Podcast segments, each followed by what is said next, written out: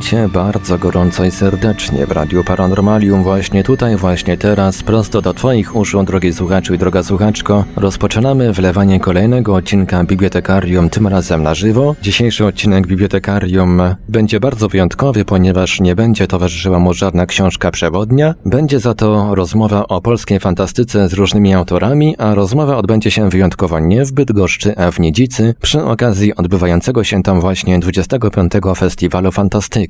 Już teraz gorąco zachęcamy do słuchania nie tylko fanów fantastyki, ale w ogóle miłośników dobrej literatury. Przy mikrofonie i za sterami technicznymi audycji Marek Sękiewelios, a po drugiej stronie połączenia internetowego, czy też raczej dzisiaj wyjątkowo telefonicznego, są z nami gospodarze bibliotekarium Marek Żelkowski i Wiktor Żwikiewicz oraz nasi goście. Halo, halo, Nidzica. Dobry wieczór, to od razu może sprostowanie, że nie tyle Nidzica, co nie Nidzica, bo nie jesteśmy, y, jak to tradycyjnie przez wszystkie festiwale bywało y, w Nidzicy, tylko jesteśmy w Mierkach. To są stosunkowo niedaleko, ale jednak różnica jest. Różnica jest, no po prostu zamek, zamek w Nidzicy. Częstość musi odremontować krzyżaki. Tak jest, musi, musi być, krzyżacy muszą być odremontowani, postawi się im windę, wymieni się im podłogi i pewno 26. festiwal będzie, będzie już w Nidzicy. Natomiast ten jubileuszowy i y, jubileuszowy jest w Mierkach. No i z tej okazji zaprosiliśmy organizatora tego festiwalu. Od 25 lat y, niesie ten krzyż, a może nie krzyż, nie wiem, zaraz, zaraz zapytamy.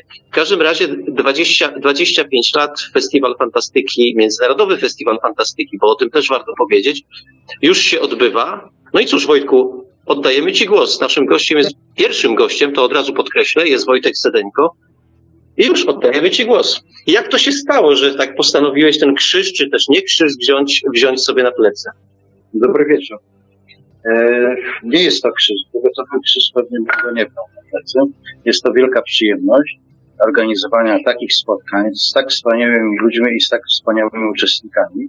A przez 25 lat udało się naprawdę bardzo wielu gości ściągnąć z całego świata, e, bo polscy twórcy przyjeżdżają co roku regularnie wielką liczbą i bawimy się, bawimy się i myślę, że dużą zasługą e, tego długiego stażu festiwalowego jest to, że czekaliśmy się naprawdę wiernych e, uczestników, wiernych słuchaczy, odbiorców tych wykładów, które się odbywają co roku w czerwcu.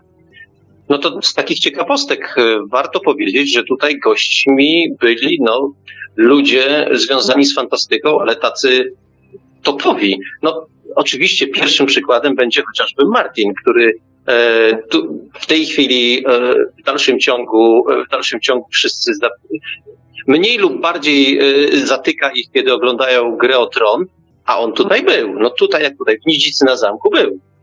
Tak, był George R. R. Martin w 2011 roku. I wszyscy, co nie byli wtedy, mogą żałować.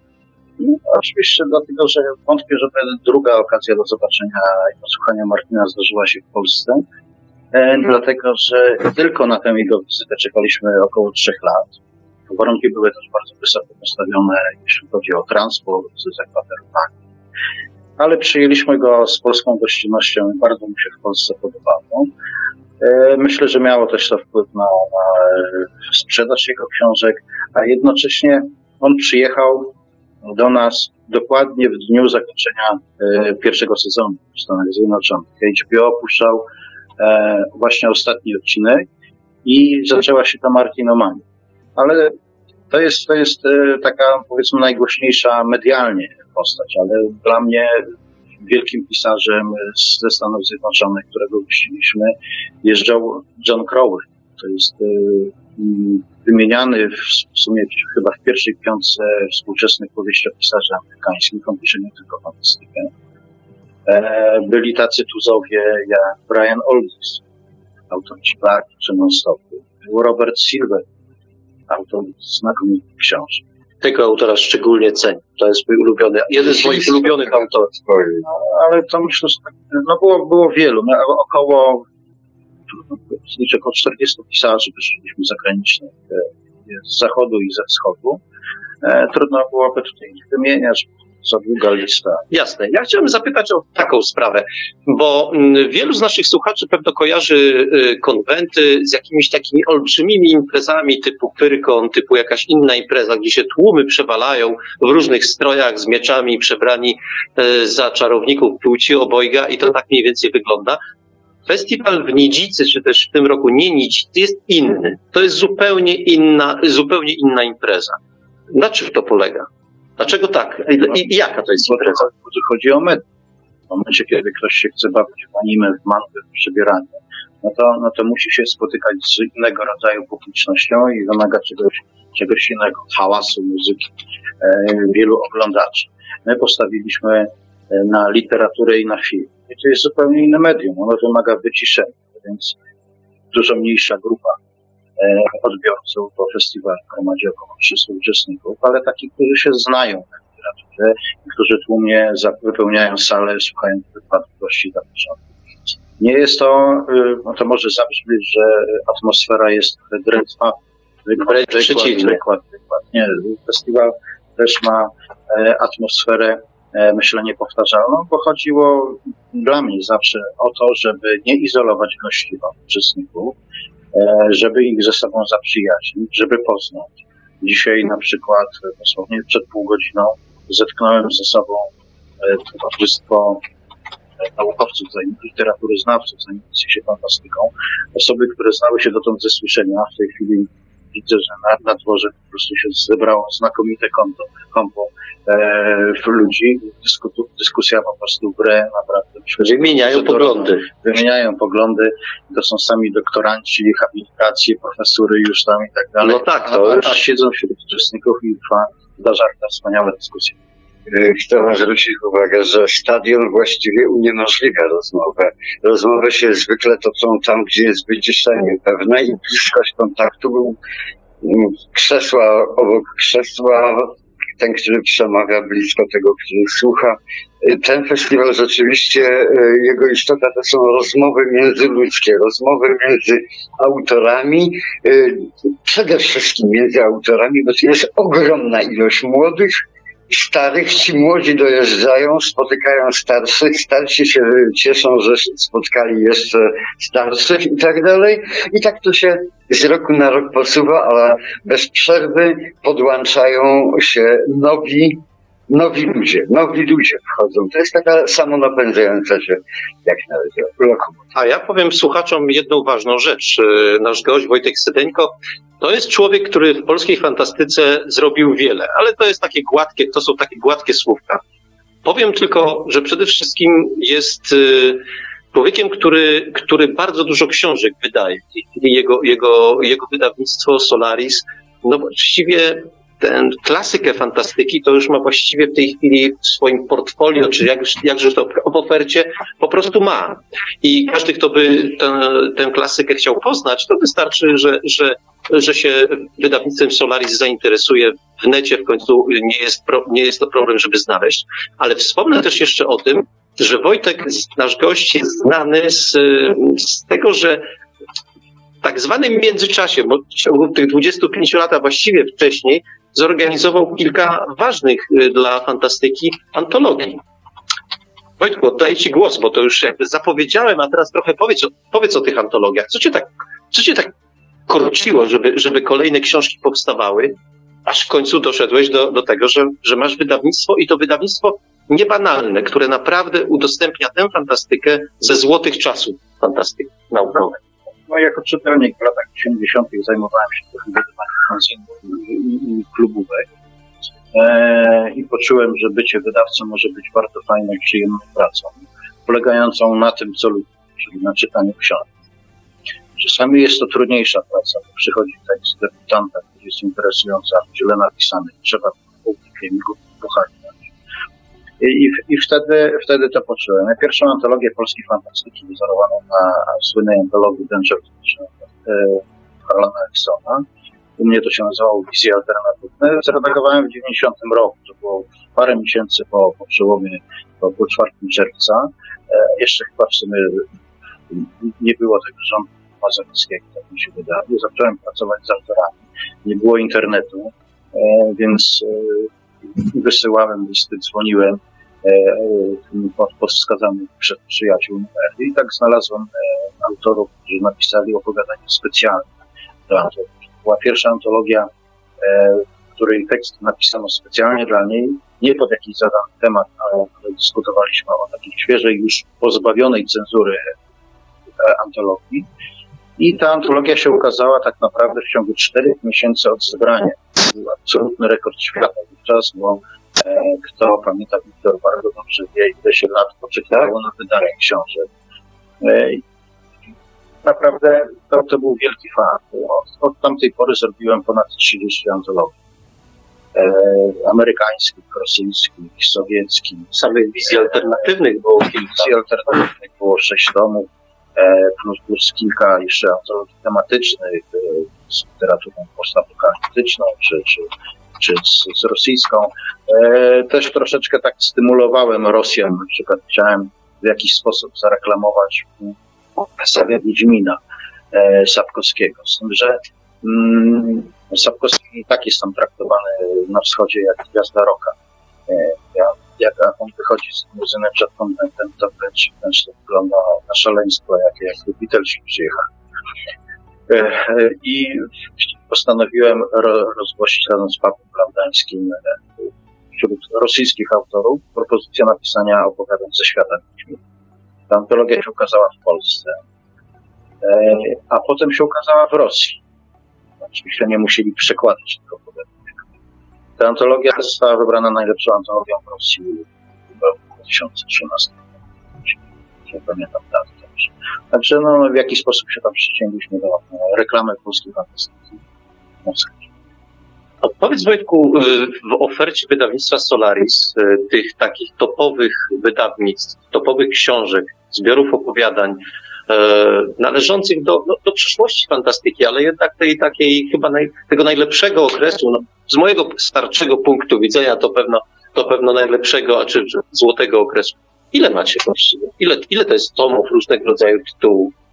Znaczy według, według takiej mojej szacunkowo mogę Szacunkowo, no tak, to już do takich liczb dochodzimy. Zredagowałem i wydałem około 600 książek. Fantastyki świetne. To jest działalność od 99 roku, czyli 19 lat. No, można sobie przeliczyć, ile to jest pozycji. Z tym, że no, wydawnictwo jest e, niszowe. Zabrzmi śmiesznie, bo wydajemy więcej książek niż, niż niektóre oficjalne, e, bardzo mocno reklamujące się ale jest to wydawnictwo niszowe, zwłaszcza, że kilka lat temu przeszliśmy na, na tryb drukowania książki w momencie skupienia zamówienia systemu, gdzie już posiadamy własne karty cyfrowe. I to była chyba pierwsza pro, propozycja polskiego wydawcy, który w ten sposób postanowił i sprzedawać, i handlować książkami e, wyłącznie w internecie, m, mm, poza rynkiem książki, czy, czy Empika, księgarniami stacjonarnymi, hurtowniami skontaktowałem się z wieloma pisarzami i chciałem wydać pozycję, którą uważam, że cały czas na rynku. E, bo taka książka jest istotna. W momencie, kiedy wpłynie zamówienie, ona jest dodrukowana. Umowy są tak skonstruowane, że, że autor stwierdzi, znajdzie wydawcę lepszego niż to, co autor 10 tysięcy nakład. No to rozwiązujemy w dniu, kiedy zgłosi takie zapotrzebowanie. E, po prostu się nie napinamy i my robimy swoje, a, my, a dzięki temu no, są, są dostępne książki Poruniaty. Są, są książki Czerczyńskiego, są książki Wiktora Żywkiewicza, siedziowo. Wydawcy nie chcieli tej znaleźć. No tak. To właśnie dosyć duże ryzyko porażki wydawniczej na bardzo popularnym polskim wydawnictwie. A tutaj ta książka jest. Wchodzimy je na różnego rodzaju festyny, festiwale. Te książki, które wymieniłeś, to jest archiwum polskiej fantastyki. Tak, Ale to nie jest jedyna, to nie jest jedyna seria, którą Solaris e, wypuszcza na rynek. Mm, to jest e, seria Archiwum Polskiej Fantastyki ma prezentować najciekawszych autorów obecnie niewydawanych. Przecież nie ma w serii e, Lema, Sienkiewicza i kilku innych autorów.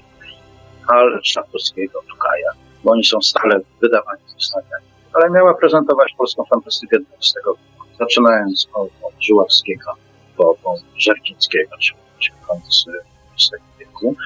Ja może bym miał jeszcze do Wojtka Szedenki takie pytanie, na które akurat znam odpowiedź, ale Ale zapytam. chciałbym wymusić na nim tą, na nim tą prostą odpowiedź. Otóż w każdej literaturze sensacyjnej, w każdym dobrym przynajmniej kryminale jest zawsze pytanie o motywy zbrodni.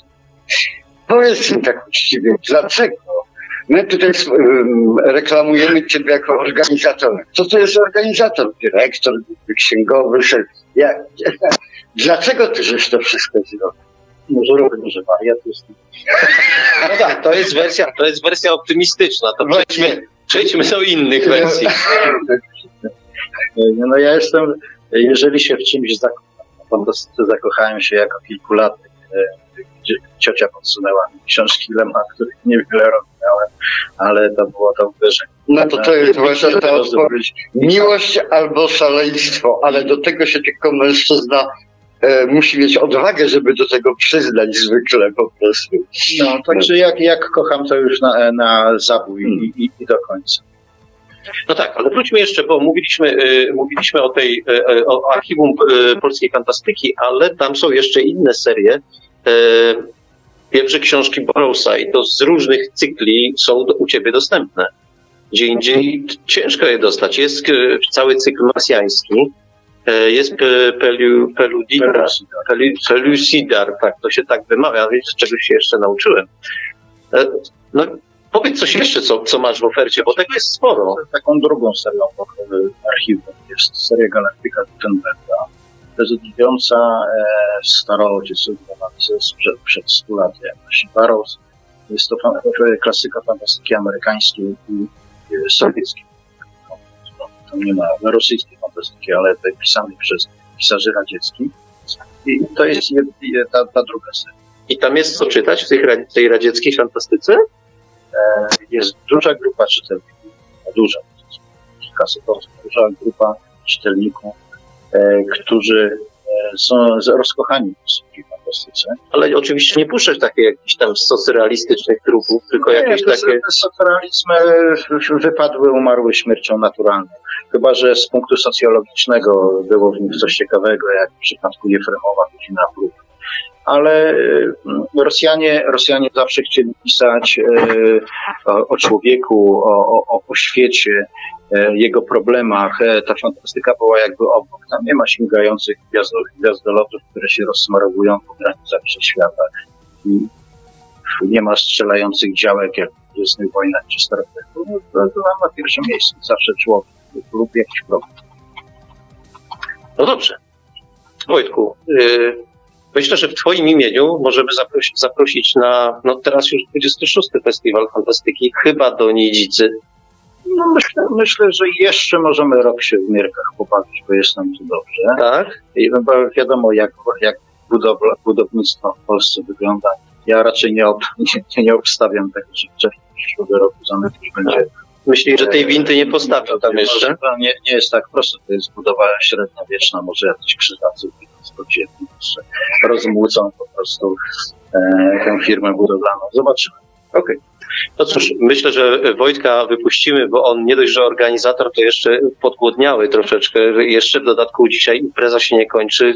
Dzisiaj jest biesiada, biesiada na festiwalu. W związku z tym to dziękujemy Ci Wojtku. Dziękuję. Dziękujemy. A już z nami jest następny gość. Gościmy, gościmy Marka Oramusa.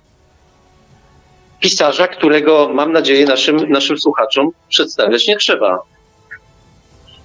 Dzień dobry. O, już się, już się pisarz przywitał. To, no cóż, mamy gościa. Wiktorze, zaczynaj. Przesłuchanie. Wiesz, cóż ja tutaj mogę po prostu, Marku. Ja to, dla mnie nie jesteś gościem niestety, ale przyjacielem wielu, wielu, wielu, wielu lat. Po prostu. Dlaczego niestety? Nie, no, no to takie słowo kokietyczne. Zwrot retoryczny. retoryczny. Marku, powiedz, co cię tutaj przyciąga do tego festiwalu akurat? Dlaczego tutaj przybywasz? E, Sadenko tutaj powiedział na, e, coś na temat, dlaczego to robi. A ja jeszcze czujnie przyjrzałem listę weteranów, e, Tak. e, weteranów festiwalu. No to Marku, jesteś jednym z tych, e, tych weteranów, którzy tutaj naprawdę, naprawdę długo trzywają. No cóż, byłem na pierwszym festiwalu, jeszcze on się tak nie nazywał. Jeździłem właściwie co rok, z wyjątkiem na e, jeden rok, kiedy urodziło mi się dziecko, więc uważam się za częściowo usprawiedliwionego. Nie mam kompletu zwycięstwa, ale jestem dość blisko. A jeszcze dlaczego? Dla atmosfery, dla e, spotykania się z ludźmi, którzy tak samo jak ja próbują tu znaleźć coś dla siebie. I okazuje się, że z tymi ludźmi nie mogę się spotkać na innych konwentach. Inne konwenty się jakoś tak, nie zawaham się użyć słowa, zdegenerowały, że się po prostu tam źle czuję. Powiem o jednym konwencie. Parę lat temu byłem na konwencie Pyrkon w Poznaniu, który kiedyś był miłym, kameralnym konwentem, a teraz się przerodził w takiego molocha na 25 tysięcy ludzi albo i więcej. I szliśmy z, z Dominiką po terenach targowych, gdzie to się odbywało, wśród strasznej ciżby ludzi i minęło pół godziny, zanim zobaczyłem pierwszą znajomą twarz. Był to Jacek Inglot, który mi powiedział, że rzeczywiście on też idzie pół godziny i dopiero my jesteśmy pierwszymi znajomymi gębami, które widzi. To się wszystko szalenie skomercjalizowało. E, pokazuje się rzeczy, które nie mają nic wspólnego z fantastyką. Niedawno na którymś konwencie oglądałem dwie panienki przebrane w jakieś wykwintne suknie, młode panienki, z zaciekawieniem oglądające miecze i sztylety. Więc za moich czasów byłoby to nie do pomyślenia, bo dama takich rzeczy nie bierze do ręki, chyba że się trudni skrytobójstwem albo jakimś innym tego typu.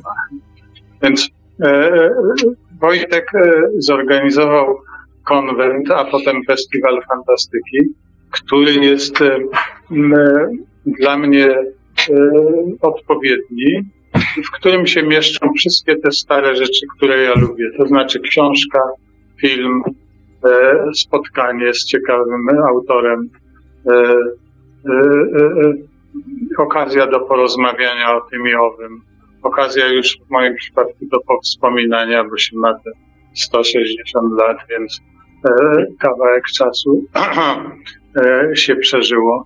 No i, i, i to mnie tu ściąga. No, akurat w e, Kalborni i w Mierkach dochodzi jeszcze krajobraz, dochodzi jezioro, dochodzą przyjemne e, warunki pobytu. Ja jeziora nie mam pod oknem w domu na przykład, a tu mam. Wstaję rano i idę do okna, patrzę jezioro. Jak to u Płaski było powiedziane, samowity jezior. Mhm. Mhm. Ja chciałbym zapytać, e, bo u Wojtka Cedenki w Solarisie ukazują się w tej chwili dzieła, no nie wiem jak to określić, wszystkie dzieła, wszystkie Marka Oramusa. Może powiedzmy o tym, bo to rzecz jest, rzecz jest chyba ważna, bo książka na przykład Cenni Zwycięzcy, którą ja pamiętam z lat 80., z pierwszej połowy lat 80., to w tym pierwszym wydaniu to ona już jest dawno, dawno zapomniana. Później były, były, były kolejne, ale, ale czemu zdecydowałeś się na dzieła wszystkie? One Pięknie się, wydane zresztą. one się nie nazywają dzieła No wszystkie, e, e, ponieważ nie chciałem, żeby się tak nazywały. E, nazywają się powieści i opowiadania Marka Oramusa. I to brzmi neutralnie, znośnie dla każdego. A dzieła to pisał Tolstoj, Szekspir i tam jacyś więc, e, więc nie chciałem, żeby się ze mnie śmiali po prostu. Różni nie, nie, nieżyczliwi dla mnie obserwatorzy moich poczynań i wobec tego dałem taki tytuł. E, Wojtek się zgodził na to, żeby to wydać. Tego, tych książek będzie dziewięć, czyli cała fantastyka taka e, e, beletrystyczna, którą napisałem. Oprócz tego napisałem trochę krytyk, także razem to było 15 książek, ale krytyki wychodzą w innej serii. I bardzo mi się ta seria podoba, mimo że mam w niej e, koleżeństwo i towarzystwo. Natomiast e, jest taki moment, że człowiek dokonuje obrachunku swojej twórczości patrzy, co, co zrobił, co mu się nie udało zrobić. Tego, co, co się nie udało zrobić, jest oczywiście zawsze więcej niż tego, co się zrobiło. I to porządkowanie twórczości wymaga ode mnie, żebym pewne rzeczy przeczytał. Nie nazwałem tego dziełami wszystkimi, ponieważ nie wiem, czy one są wszystkie. No poza tym e, e, wolałem to nazwać opowiadania i, i powieści Marka Oramusa, żeby jacyś mniej życzliwi obserwatorzy moich poczynań nie śmiali się ze mnie, że to dzieła, a Tolstoy też dzieła, a Szekspir dzieła i to jest tak, jak się stawiał w tym szeregu. Więc nie, nie dzieła, nie, nie wybrane, nie zebrane, nie, nie w ogóle żadne. Jakieś książki po prostu do poczytania. No i musiałem pogrupować swoją twórczość, przeczytać ją przede wszystkim ponownie, poprawić, bo się okazało, że, że, te, że pewne rzeczy są, są przyprawiające o niepokój, które tam zostały wydrukowane. Porządne na przykład e, korektorki czytelników w mojej debiutanckiej książce e, powieści puszczały takie rzeczy, jak cofnął się do tyłu. To, to już jest klasyczny przykład pleonazmu i to poszło, to można sobie zobaczyć w pierwszym wydaniu, że tam jest. Więc czyściłem z takich rzeczy i, i, i no i, i, i udostępniłem książki czytelnikom na nowo, żeby, żeby były, żeby można je było e, kupić i czytać, bo bo tamte wydania no albo się rozprzedały, albo są zapomniane dawno, albo coś się z nimi stało. Wyrosło młode pokolenie czytelników, które w ogóle nie wie, że jest taki autor o moim imieniu i nazwisku. No, myślę, że wiedzą, natomiast myślę, że ważne, ważne jest pewne podkreślenie, szczególnie ważne dla, dla słuchaczy audycji, którą prowadzimy co dwa tygodnie, która się nazywa trochę, trochę groźnie, bo ABW, ale rozszyfrowując ten skrót, to jest Antologia Bibliotekarium Warsztaty. I tam niektórzy niestety nasi słuchacze nie są w stanie uwierzyć w to, że autor poprawia, jest w stanie, może poprawiać swoje, swoje, swoje prace, swoje utwory bardzo, bardzo długo. Tu macie Państwo najlepszy przykład, że po wielu, wielu latach e, utwór, który był publikowany, który, który, który wszyscy, który, która który został poznany przez czytelników. Nagle, o, poznany. Tak, no oczywiście, że tak. Był, był, padali prawie na kolana no. No ewidentnie Sen mi zwycięzcy to, to, był, to był hit wtedy, nie wiem, co się te, tego słowa chyba nie używało nawet, ale w każdym razie to była pozycja wydawnicza poszukiwana. A się okazuje, że mijają lata i nagle autor mówi to, co przed chwilą e, Marek Oramus powiedział, że tam się znajdowały rzeczy, które był skłonny poprawić. No powiedzmy, że ja to poprawiam, ale nie piszę na nowo. No, każdy tekst można poprawić, bo jak się go czyta po, e, po jakimś czasie, to się widzi inne rzeczy, których się nie widziało wcześniej. W ogóle z czytaniem własnych tekstów to jest kłopot, człowiek ma takie, autor ma wbudowane takie jakby życzliwe nastawienie wobec swoich tekstów. Dlatego koniecznie trzeba to dać komuś innemu jeszcze do czytania, albo czytać samemu po długim czasie, żeby się miało dystans, żeby się to czytało jako obcy tekst.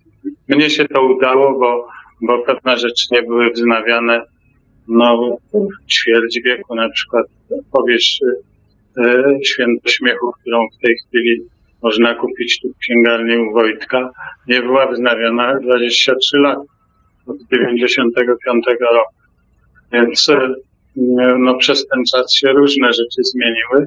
E, pewne fragmenty mogą nawet brzmieć archaicznie, ale to zostawiłem.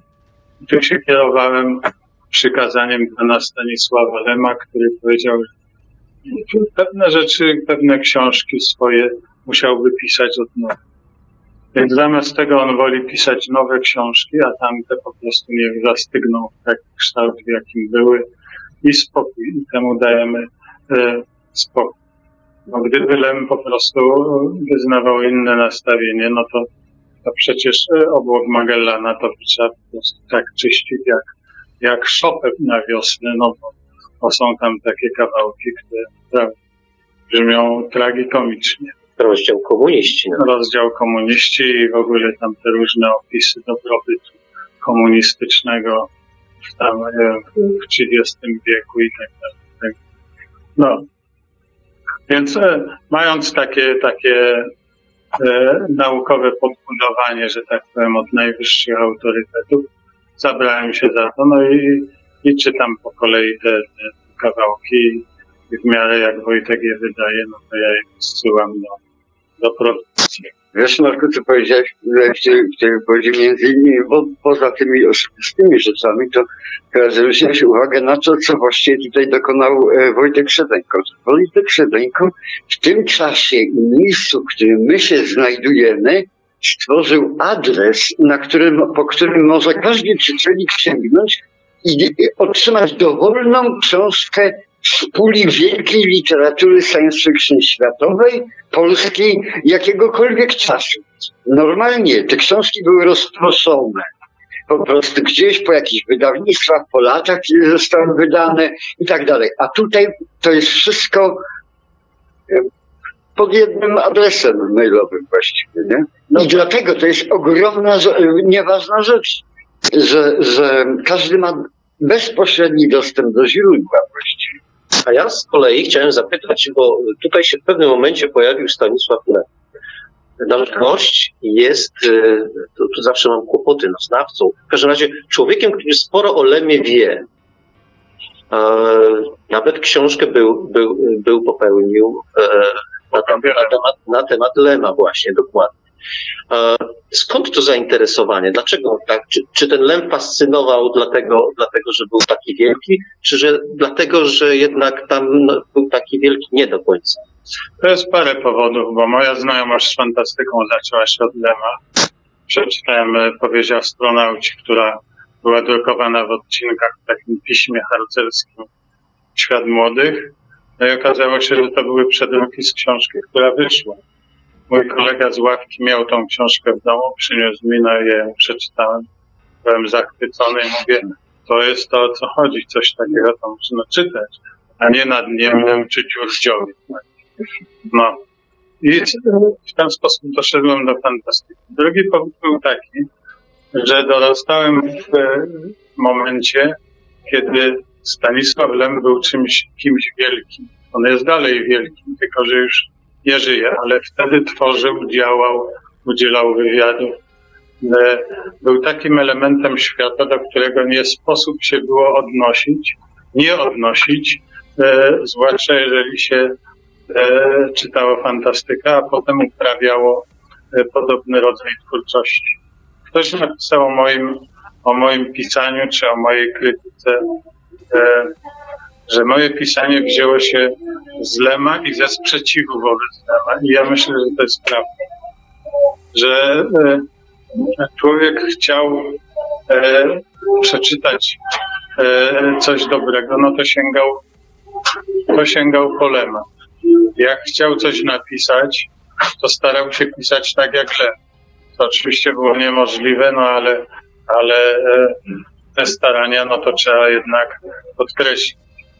No i, i, i Lem był takim, takim, takim drogowskazem, takim punktem odniesienia. E, Nawet jak już go potem nie było, albo jak stracił e, ochotę do pisania e, beletrystyki fantastycznej, co, co nastąpiło względnie szybko. Moim zdaniem za szybko, bo to są lata powiedzmy 87, 8 ubiegłego wieku. Potem Lem jeszcze 20 lat żył i, i, i, i, właściwie nie pisał, nie pisał nic z beletrystyki. Jakieś pojedyncze rzeczy. Więc jeżeli, jeżeli się miało koło siebie e, zasięgu ręki tak wielką postać polskiej kultury i polskiej fantastyki, to nie sposób było udawać, że się tego nie widzi, że tego nie ma, że do tego się człowiek jakoś nie odnosi. To był po części paraliżujący strach, może przesadzam trochę, ale e, poprzeczkę Lem zawiesił niezwykle wysoko i jak się do tej poprzeczki już prawie doskakiwało, to można było powiedzieć, że, że się uprawia znośną fantastykę. O przeskoczeniu tej poprzeczki to przynajmniej w moim wypadku to raczej mowy nie było. Olem miał taką frazę, miał taką znajomość nauki, o której ja wtedy nie mogłem marzyć i, i, i bym miał trudności z wytrzymaniem, e, z dotrzymaniem mu kroku. W miarę jak się starzał, e, jego, jego powiedzmy, zainteresowania się zmieniały. E, pisał trochę gorzej. Twierdził w wywiadzie, że przestaje pisać dlatego, ponieważ na starość zdumiewająca liczba twórców pisała słabe rzeczy. On by chciał zostać zapamiętany jako autor rzeczy dobrych. Ja całkowicie rozumiem tą opinię i podzielam. Tak się powinno, zdaje się, postępować. Wow. A, a, a, wracając, a wracając jeszcze na chwilę, na chwilę do Lema, to y, ta książka Bogowie Lema, do kogo ona jest adresowana? Ja ją adresowałem do czytelników, bo to jest zebrane z, z takich okazjonalnych tekstów. E, e, Adresowałem ją do czytelników, którzy znają twórczość Lema. Bo jak ktoś nie zna, no to, to, to nie wie, o czym jest e, mówione. I tam sobie pozwoliłem równocześnie, oprócz oczywiście oddawania Lemowi co Lemowe, pozwoliłem sobie na krytykę pewnych aspektów lemowej twórczości. Na przykład e, no, Lem popełniał błędy naukowe. Na przykład na obcej planecie astronauta idzie i pije sobie ze strumyka, bo jest zmęczony. Strumyk tam, a na tej planecie jest życie. No to przecież ktoś, kto jest lekarzem z wykształcenia powinien uważać na takie rzeczy, bo doznać infekcji na obcej planecie inną mikroflorą to jest prawie pewna. śmierć. Tak. tak. Więc tego typu rzeczy mu wytykałem i, i mam wrażenie, że słusznie jest, jest taki rozdział. No i nie wszystkie rzeczy mi się podobały, e, które Lem przeprowadzał koncepcyjnie w swoich, w swoich rzeczach. Miałem do tego prawo jako czytelnik dyskutować z tymi rozwiązaniami i pozwoliłem sobie na. Miałem poza tym dobre wywiady, tak powiem. zrobiłem trzy wywiady z Lemem, e, z czego najobszerniejszy do Playboya i, i to on miał ponad 20 stron, więc Lem tam się zdążył wypowiedzieć o wszystkim. Natomiast udało mi się porozmawiać również z, ze współpracownikami Lema, znaczy z jego em, tłumaczem i agentem e, Francem Rottensteinerem z Wiednia i z jego dobrym tłumaczem Michaelem Kendlem z Ameryki. I oni mi tam zeznawali no, dość bulwersujące rzeczy na temat Lema, ale to nie chcę o tym opowiadać, bo kto chce, no to sobie kupi książkę i przeczyta, prawda? Ale bardzo ważną rzecz, żeś Mateusz, jak, jak Marek ci zadawał pytanie, dlaczego e, użyłeś dwóch słów, które są właściwie istotą każdego ucznia Bogiem a prawdą, w jakiejkolwiek dziedzinie, w jakiejkolwiek filozofii, czy w czymkolwiek. Niż i sprzeciw, prawda? W tym jest zawarte wszystko to, co następcy mają do, do, Do zaoferowania. do zaoferowania po prostu. Przyjąć od mistrza i sprzeciwić się w ramach oczywiście pewnego służby i tak dalej. To jest właściwie piękne. Dzięki temu idziemy do przodu.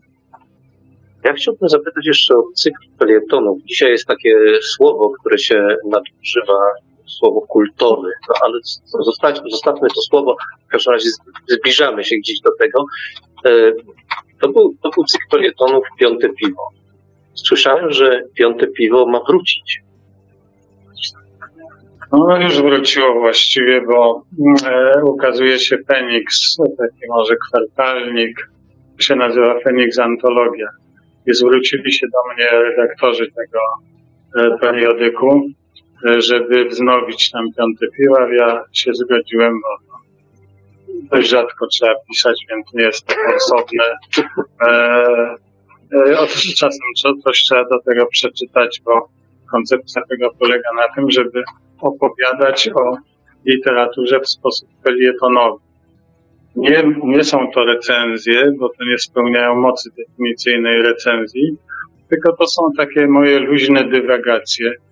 E, metoda tego była taka, że zaczynam nie z gruszki, nie z pietruszki, a potem piszę o książkę i uciekam z tej książki do poważnych rzeczy czasem. Na przykład pisałem o Fonegucie, to zacząłem o tym, jak chuligani na stadionie dali mu myślenicę, opluli sędziego i, i wygrażali mu tam kawałkami cegły i żyli go e, z ochotą i malowniczo. I, i potem przechodziłem do Foneguta i pisałem takimi e, akapitami, jak to Fonegut zwykł robić. I starałem się te jego odzywki małpować tam oha, ha, ulala, e, tak było i tak dalej. I miałem z tego straszną zabawę, bo, bo wydawało mi się, że uczestniczę w rozmowie z Fonegutem prawie tak, jak siedział i rozmawiał z wami. No, więc to była formuła strasznie pojemna, ponieważ można w nią było wcisnąć właściwie wszystko. E, Jeden, jeden z tych felietonów polegał na tym, że o książce napisałem dosłownie cztery linijki, a całą resztę pisałem o przeprowadzce redakcji ze starego miejsca na nowe. I...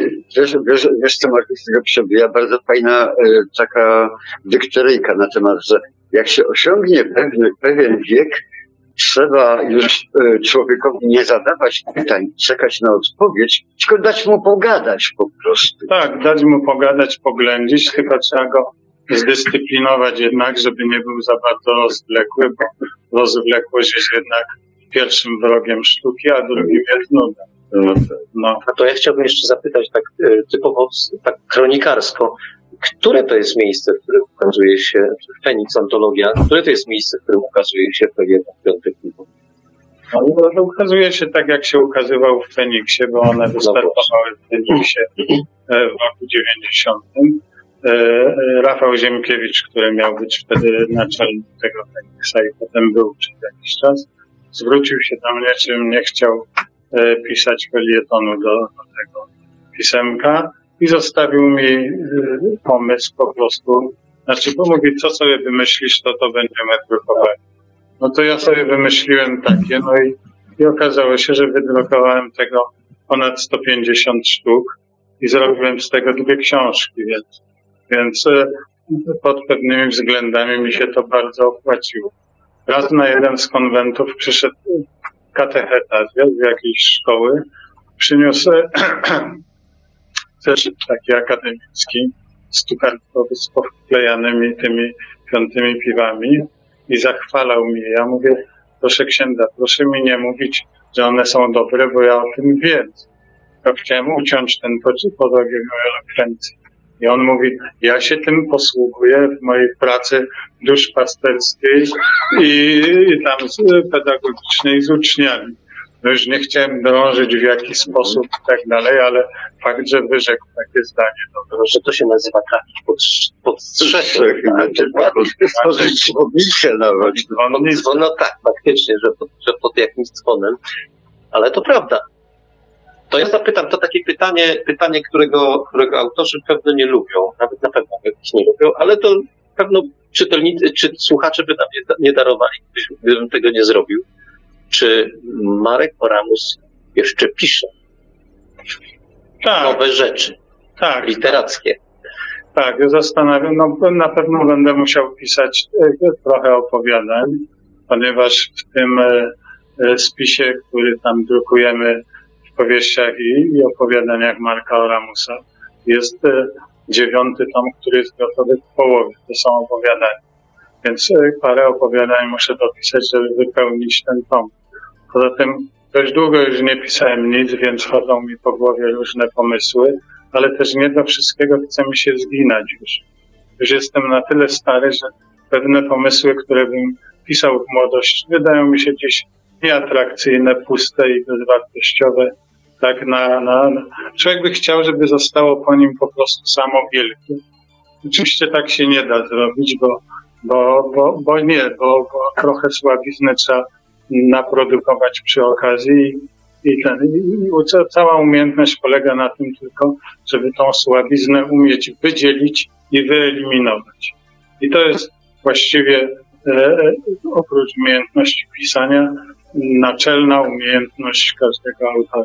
Jeżeli się tej umiejętności nie ma, jeżeli dyskryminator jest otwarty za łagodnie, to nie można wtedy powiedzieć, że twórczość tego autora jest dobra, bo ona będzie co najmniej nierówna.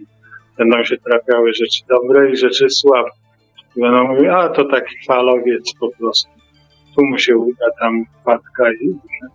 No, Więc, więc będę coś pisał, bo mi chodzi po głowie parę pomysłów, ale nie śpieszę się. Tak jakbym miał żyć wiecznie. Opowiadam żonie i dziecku, że gdybym miał sto, żyć 160 lat, bym sobie właśnie z takim tempem e, tego pisania radził. I też mam świadomość, że czytelnicy niespecjalnie czekają na to, co napiszę, bo mają swoich nowych idoli i umiejętność czytania, co tu będziemy kryli, jest w zaniku. Jeżeli ja dawniej na spotkaniu mówiłem do ludzi tytuł i już widziałem, że jarzą, że czytali to teraz muszę opowiedzieć treść danej tego, żeby móc się odbić do jakichś takich dalszych rozważań. Nie czytali, jak czyta jedna osoba, to jest, to jest dobrze. I to samo występuje na przykład na anglistyce, bo opowiada żona, która jest anglistką i przepytuje zawsze na początku studentów, coście czytali. To mówią jej, co czytali, i to głos na głowie powstaje czasem. I to są filolodzy, to mają być zawodowi filolodzy. No powiem jeszcze na koniec, myśmy jakiś rok temu mniej więcej e, tutaj w audycji Bibliotekarium rozmawiali z Wiktorem o książce, o antologii o odnoszącej tytuł Przedmurze. Tam jest e, twoje opowiadanie i to takie z tych nowszych, no chociażby z treści, z treści sądząc, bo odnosi się do, do pewnego zjawiska, które, które, ma, które, które, które się pojawiło jakiś czas temu. Czy coś o tym zechciałbyś powiedzieć? O tej antologii i o tym, jak tam zaistniałeś w tej antologii? Wojtek mi powiedział, żeby pisać opowiadanie i ja się zgodziłem. Jest okazja napisać coś, a zaraz biorą, drukują. No kiedy ja tak miałem, no? Więc, e, e, ale jak to zwykle, zwlekałem do ostatniej chwili, aż prawie już było za późno i, i, i napisałem to przed murze, ponieważ Wojtek mi mówił, że nachylenie antologii jest fantastyko-socjologiczne.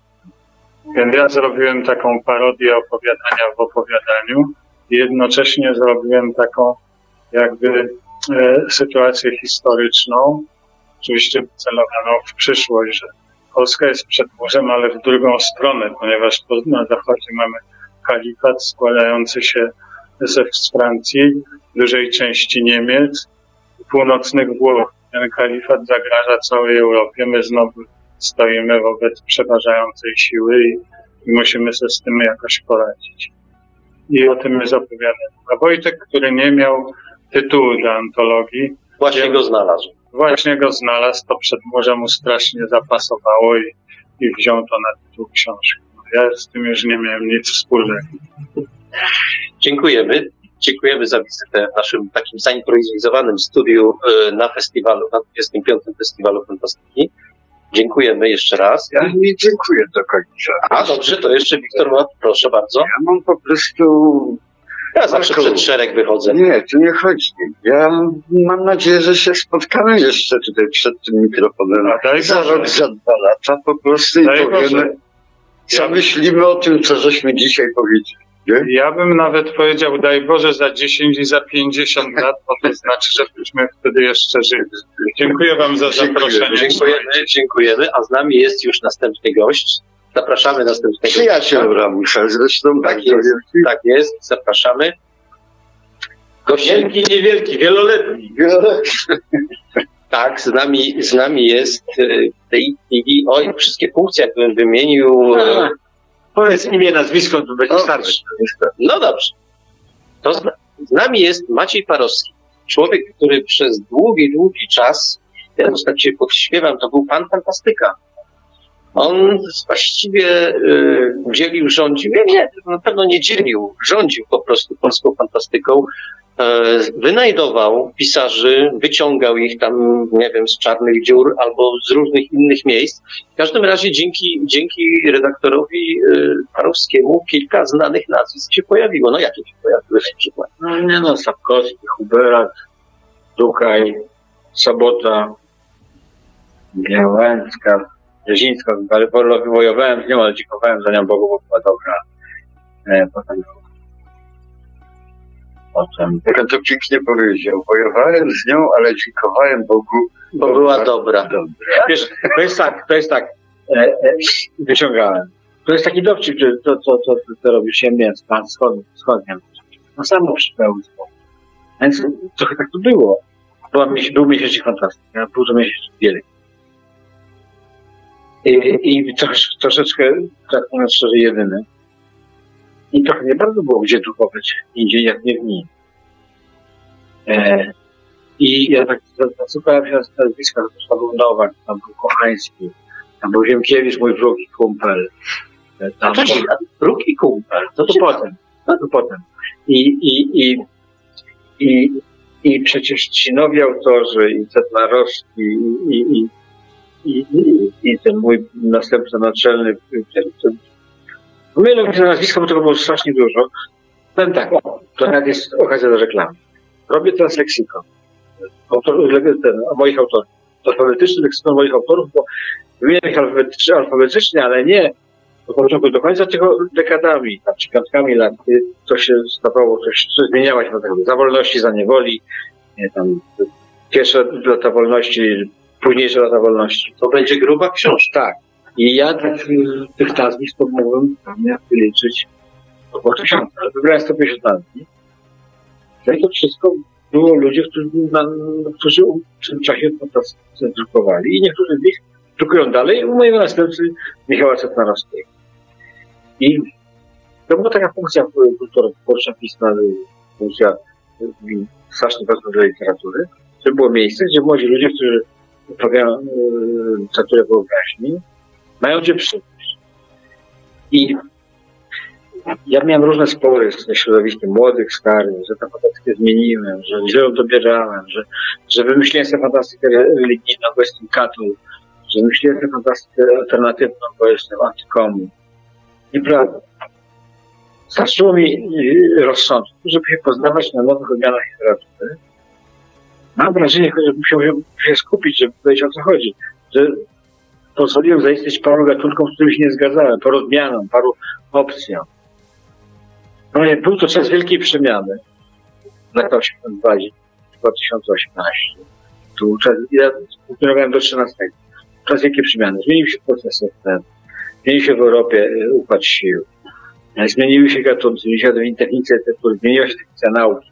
Pamiętam jak w 90 roku miałem z panią, która kieruje e, Biblioteką Myśli Współczesnej Państwowej Instytucji Wydawniczej, to było plus minus nieskończoność, i powiedziała, wie pan, nie istnieje takie pojęcie jak e, światopogląd. Są światopoglądy. Więc oni do pomyślenia zaczynali.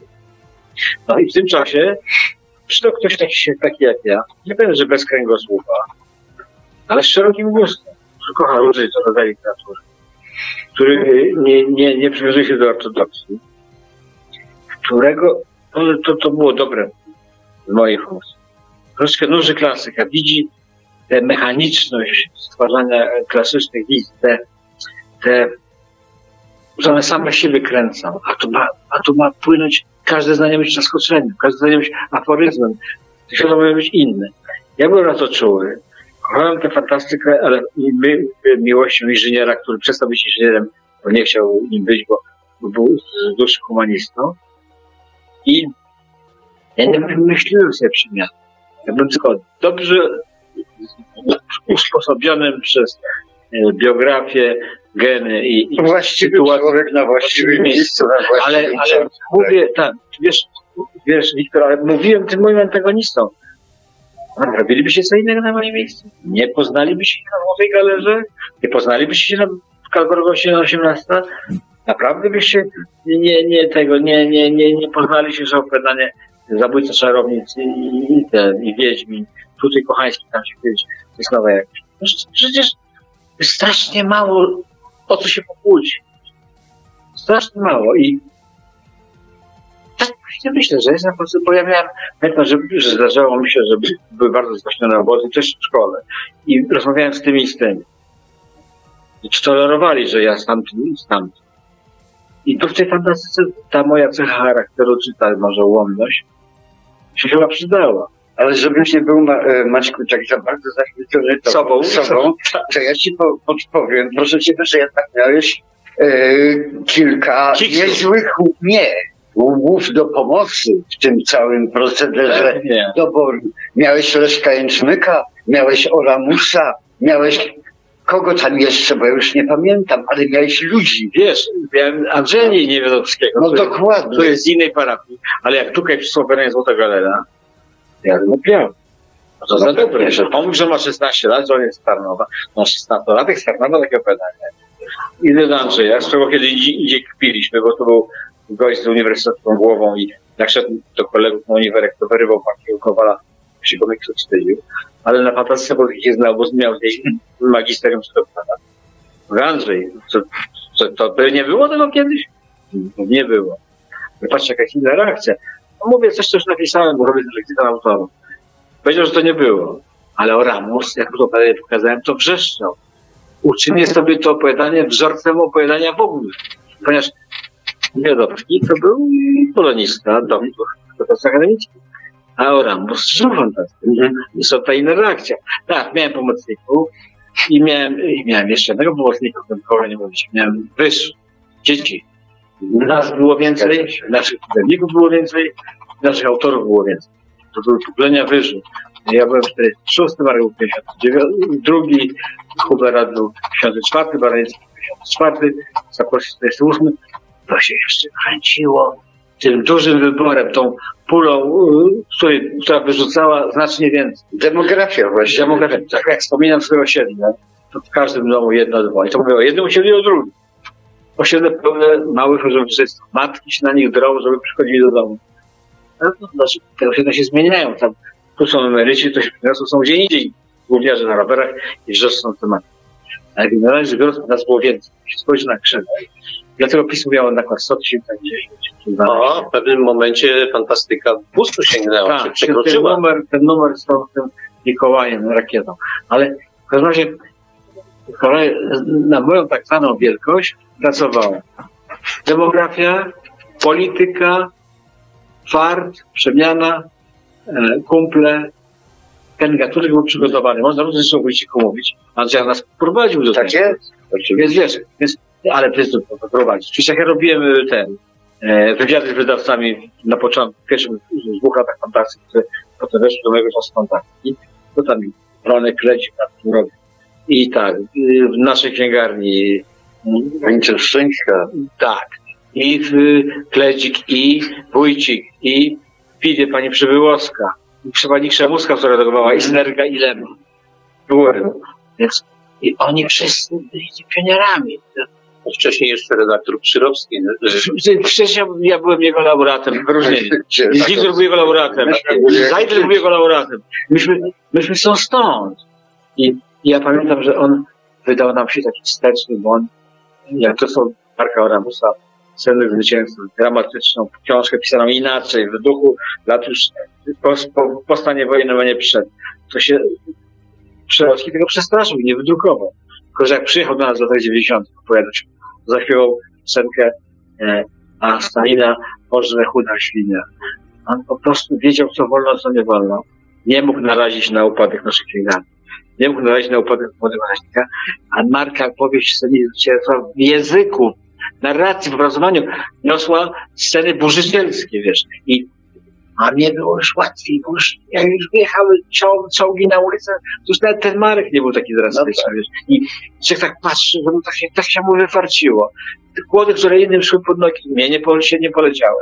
Wiesz, te o, różne obciążenia i te jeszcze wstydliwości, które, których oni dotykali, ja, ja już je ominąłem. To, że ten taki paradygmat fantazji naukowej, że się z tego nie można wyzwolić, że nie można pójść ku literaturze, ku szaleńcu, no to mnie to się dotykało.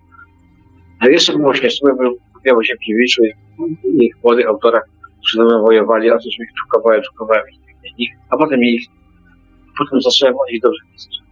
Pewien paradoks. Oni się zachowali, zakochali ze starym, nie? Lema, Smurfik, tak. I mieli na sztandarach, ale spisali inaczej. Nie zauważyli, że piszą inaczej. Mieli pretensje, że drukuje nie to, co trzeba. I potem, jak oni zaczęli wydawać swoje antologie, antologie jak oni zaczęli się kręcić, to się yy, okazało, że oni też grzeszą grzechami paruszczyzny. Znaczy, że też łapią się za nowe, też łapią zmiany rozpoczyjne, Znaczy łapie, raczej łapią za sen oniry niż y, taką serię twardą fantastykę. Ale to było wspaniałe, bo się wszyscy pojednali. Oni walczyli o rozrywkową, a zaczęli robić problemową. Mówię, zmienili zawartość swojej, przebudowali armię, a nie zmienili, nie zmienili sztandaru. Przebudowali tabory i, i uzbrojenie, a, a jeszcze wydawało się, a to normalne literatura. No to się to czytało przez Dykę, przez Bluma, a, e, przez Islana, które ja czytałem w młodości. To była fascynująca przygoda. Teraz tak gadam z ludźmi, to tu pojechał, to tutaj tłumaczy, to tutaj. A ja mam to z tej autorów. Ja to wraca, ja mam taki dosłownie do leksykonu 150 takich, że no, że myślisz, że pierwszy, ale wiadomo, że powinien być jeszcze drugi klapyczny. To, to moje 30, 40 lat przy Fandacji. To jest niezła przygoda. Nie? I to byli ludzie 39% bardziej ode mnie utalentowani. 80% bardziej ode mnie tracą wydajni. Ja do nich dołączyłem później z następną powieścią. Pisałem jednocześnie komiksy, które mi się podobały. Najlepszym rysowikiem komiksów. I tak patrzę na swoje rzeczy z 92 lat. No i myślę, że było dobre. No, i ten, no i, i, i przyglądam się tej imprezie, przyglądam się ludziom, przyglądam się. Wyznają mnie miłość jacyś ludzie, którzy fantastycznie czytali od tego 30, 40. Daszkowi też. Marta mylą nas bardzo. E, I siedzi Mirek, który kupę, po, pakował kupę ludzi przedstawił swój supermarket. Naszym jeszcze z polityki. Jest Baraniecki. Też był naszym kuplem z polityki, tak? No, to jest na- nasz świat, nasza młodość, nasza starość, nasze pożegnanie do świata, no ale to, jest, to fajnie wygląda. Pytajcie o coś jeszcze, bo ja to pytam, pytam, ja się już tu czaję z tym, z tym Ziemkiewiczem, z tym Ziemkiewiczem. No, Proszę bardzo. no to tak było takie inter, interesujące. Powiem ci, powiem ci jedno zdanie, które dużo pamiętam, wyglądałem zrobić ten słownik. Tam jest takie zdanie, że po wszystkich bojach, cały ponad 20 lat, zgodził się między mną, tu cytuję siebie, który to pisał w, lepszym, w lepszej formie, nie?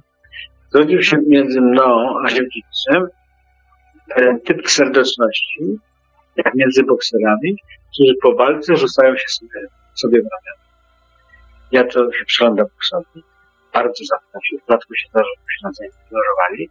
Mój wuj, brat mojej mamy i mój kuzyn, kochany, syn siostry mojej matki byli bokserami. Nie opowiadali mi, że polska. Mówili, że gdzie trzeba bić, żeby tego operować. Z, z kuzynem byłem na pierwszym raz Przyjrzałem się mistrzostwom polskim w początku lat 70. roku i widziałem, że jest między, widziałem bokserów, którzy zapraszają do domu, widziałem bokserów, którzy przedstawiają sobie swoje dzieci. Nawet z Rafaelem wojowaliśmy, tak nas na to wskazał testosteron i podział pokoleniowych ról. A, Ale z- między Rafaelem był pewien jeszcze dość paradoks, bo jak on napisał bardzo znaczące opowiadanie, Stosa mu leszczyki, a potem było bez wody, a potem jeszcze księżniczka. Te znacząco były te przewolewane od tak? Jego koledzy na jego warczyli, warczyli. A ja napisałem tak, dobrze tezy, które mi się podobały. Nie, nie, nie robiłem żadnego gestu. Gest bym zrobił, gdyby udawał, że mi nie podoba. To był chamski. A był zdziwiony, bo oni mną walczyli dość ostro i przyszło im do głowy i to trochę zmieniło naszą sytuację. Było tak, że ja mówię w tym programie, przytaczam, kiedy my rozmawiamy, kłócąc się, mówimy sobie pewne rzeczy i potem przechodzimy do powiedzmy zwaśnienia. Przychodzą drużyny, nie tak prosto się pojednać, bo nie odpowiadał tylko za siebie. Był strategiem pewnej wojny. A ja byłem podejrzany, bo byłem przeciw systemu. Polak też zatrudniony, był zatrudniony w piśmie oficjalnym. A potem byłem zatrudniony w piśmie konkurencyjnym, bo nie założyli Feniksa i rywalizowaliśmy. Zgoda nie była łatwa, ale była łatwa, bo myśmy mieli podobne ideały interesnego. Ja się zakochałem w jego opowiadaniu. On trochę nie miał wyjścia, ale trochę zguległ. I to jest wspaniała przygoda mężczyzn. No. Tak sobie to kombinuje. I się. Że wiesz, i z jego wszystkimi kumplami, jego wiernymi, jego, jego, jego e, się mówi, akolitami, z jego drużyną, żeby powiedzieć co ładnie. Lubimy się, no. no o co się trzeba było? No, Poza tym rzeczywiście, faktycznie i dialektycznie i metaforycznie stają na drodze, byłem filtrem. Żądał od nich wielkości, a wiem to po sobie. To jest taki, taki moment w życiu młodego pisarza, autora. To jest to, żeby się niego odpieprzyć, żeby nie żądać od niego. Żeby po prostu wydrukował to, to, co napisał. No co, co że mu nie wyszło? To z czego on będzie? Jakby, jak mu nie będą drukowali tego, co mu nie wyszło, to z czego? Jak to ma powiedzieć? Jest pewien typ hipokryzji. Redaktora też jest hipokryzją, spokojnie. Ale ktoś, kto, wiesz, drukował pierwsze teksty e, Baranieckiego, Sapkowskiego, Dukaj, Kuby Nowaka, Sobot, No tak, a jest ci trochę żal, e, Kowalskiego, nie ma prawa narzekać na, na, na los. Nie ma No. prawa. A czy można narzekać, że Pan mu nie dał większego talentu? Ale tam trochę sypnął talentem krytycznym, może. Także nie narzekam. a nie jest ci trochę żal, że dzisiaj e, Sapkowskiego wszyscy pod niebiosa wynoszą, a przecież tak naprawdę konkurs, konkurs zorganizowany przez miesięcznik, w którym pracowałeś. No ale co, Wyniósł, wyniósł. Nie Sapkowski. wyniósł. Ja do dziś pamiętam taki obrzydliwy tekst, na który walczył Stawkowski, że Stawkowski zawdzięcza wszystko tak. No nie no, Nic wszystko. nie nie, nie, nie, nie. Marek, Marek, spokojnie. Co, co, co, ja mam być nieszczęśliwy, że Stawkowski jest wielki, bo myśmy go wylansowali, a on na nie płaci tankiem, tak? Nie, że nikt dzisiaj, że, że Wszyscy piszą w biogramach. Debiut 86, fantastyka Gruzji. No nie żartuj. No co, co, czego możemy być? Okej, przecież pytanie polega na tym, czy to my Sapkowskiego mamy, mamy dupy, czy on nie? To jest no jego. Znaczy, my jesteśmy... Słuchaj, ja brałem pieniądze za to, że drukował mnie Sapkowski, a Sapkowski nie, drukował mnie gdzie indziej. Wiesz, trzeba mieć, znać miarę. Żywny nauczył Chopina muzyki. A się nie dopisywał do Mazurku, do koncertu fortepianowego. Ja nawet nie poprawiałem Sapkowskiego, nie było potrzeby. Ja poprawiałem innych autorów, którzy mieli zajęte. I nie będę się chwalił którymi, bo to jest tajemnica spowiedzi. Tak, dla niektórych autorów, wiesz, na każdej stronie jest moich poprawek 15. I tu były z tego zajęte. Mam ci powiedzieć, których? No nie, no nie, Nie będę, nie będę wałem, tak. tylko bym wałem.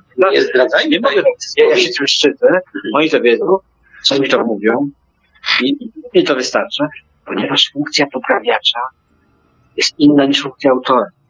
Jeśli, jeśli ja mogę do opowiadania Nagodzonego Zajdle dopisać zdanie, skreślić zdanie, wprowadzić trzy wyrazy, to nie znaczy, że ja autorowi tego opowiadania dorównuję.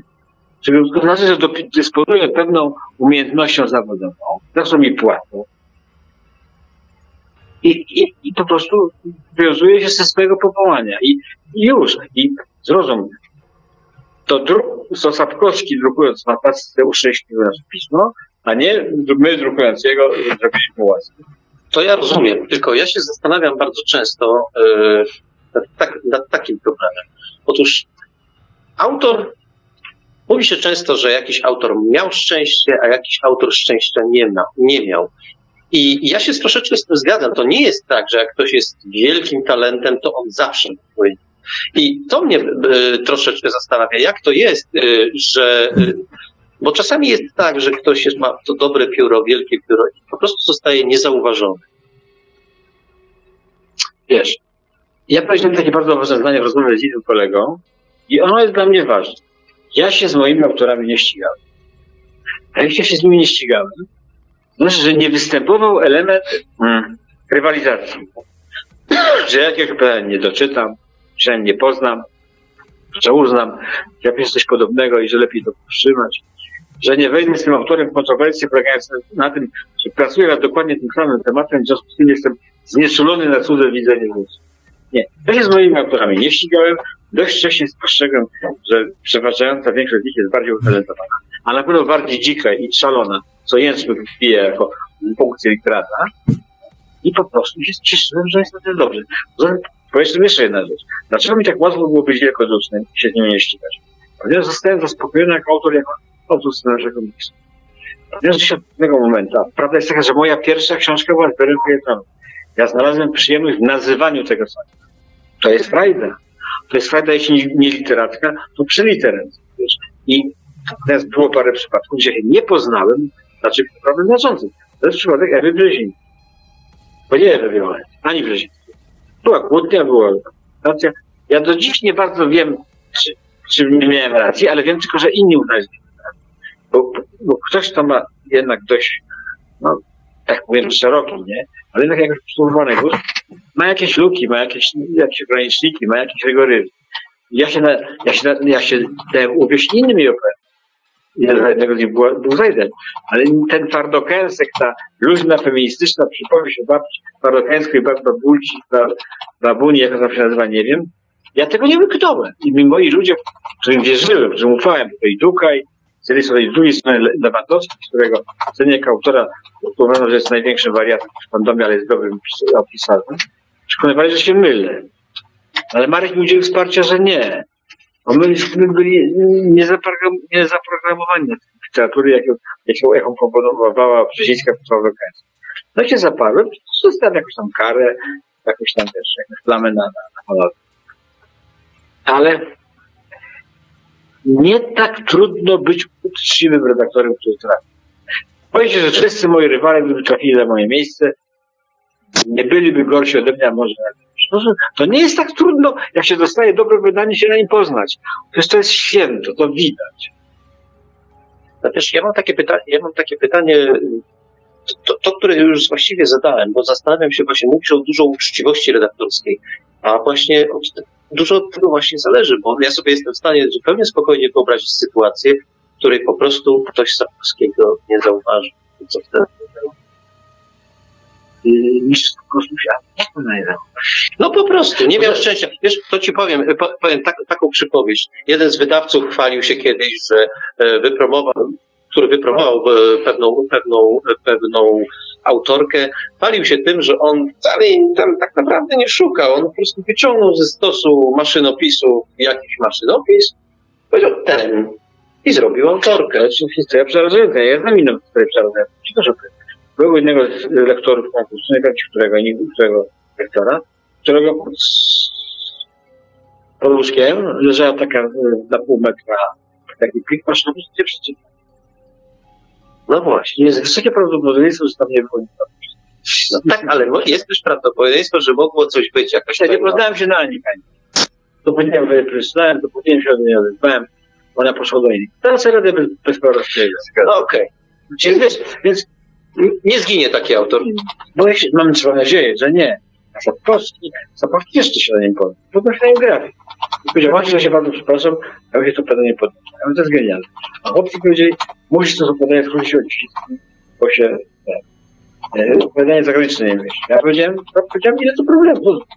Skrócił wydanie. Maciuś, to wziąłem, czytam. No nie, wy panowie nie.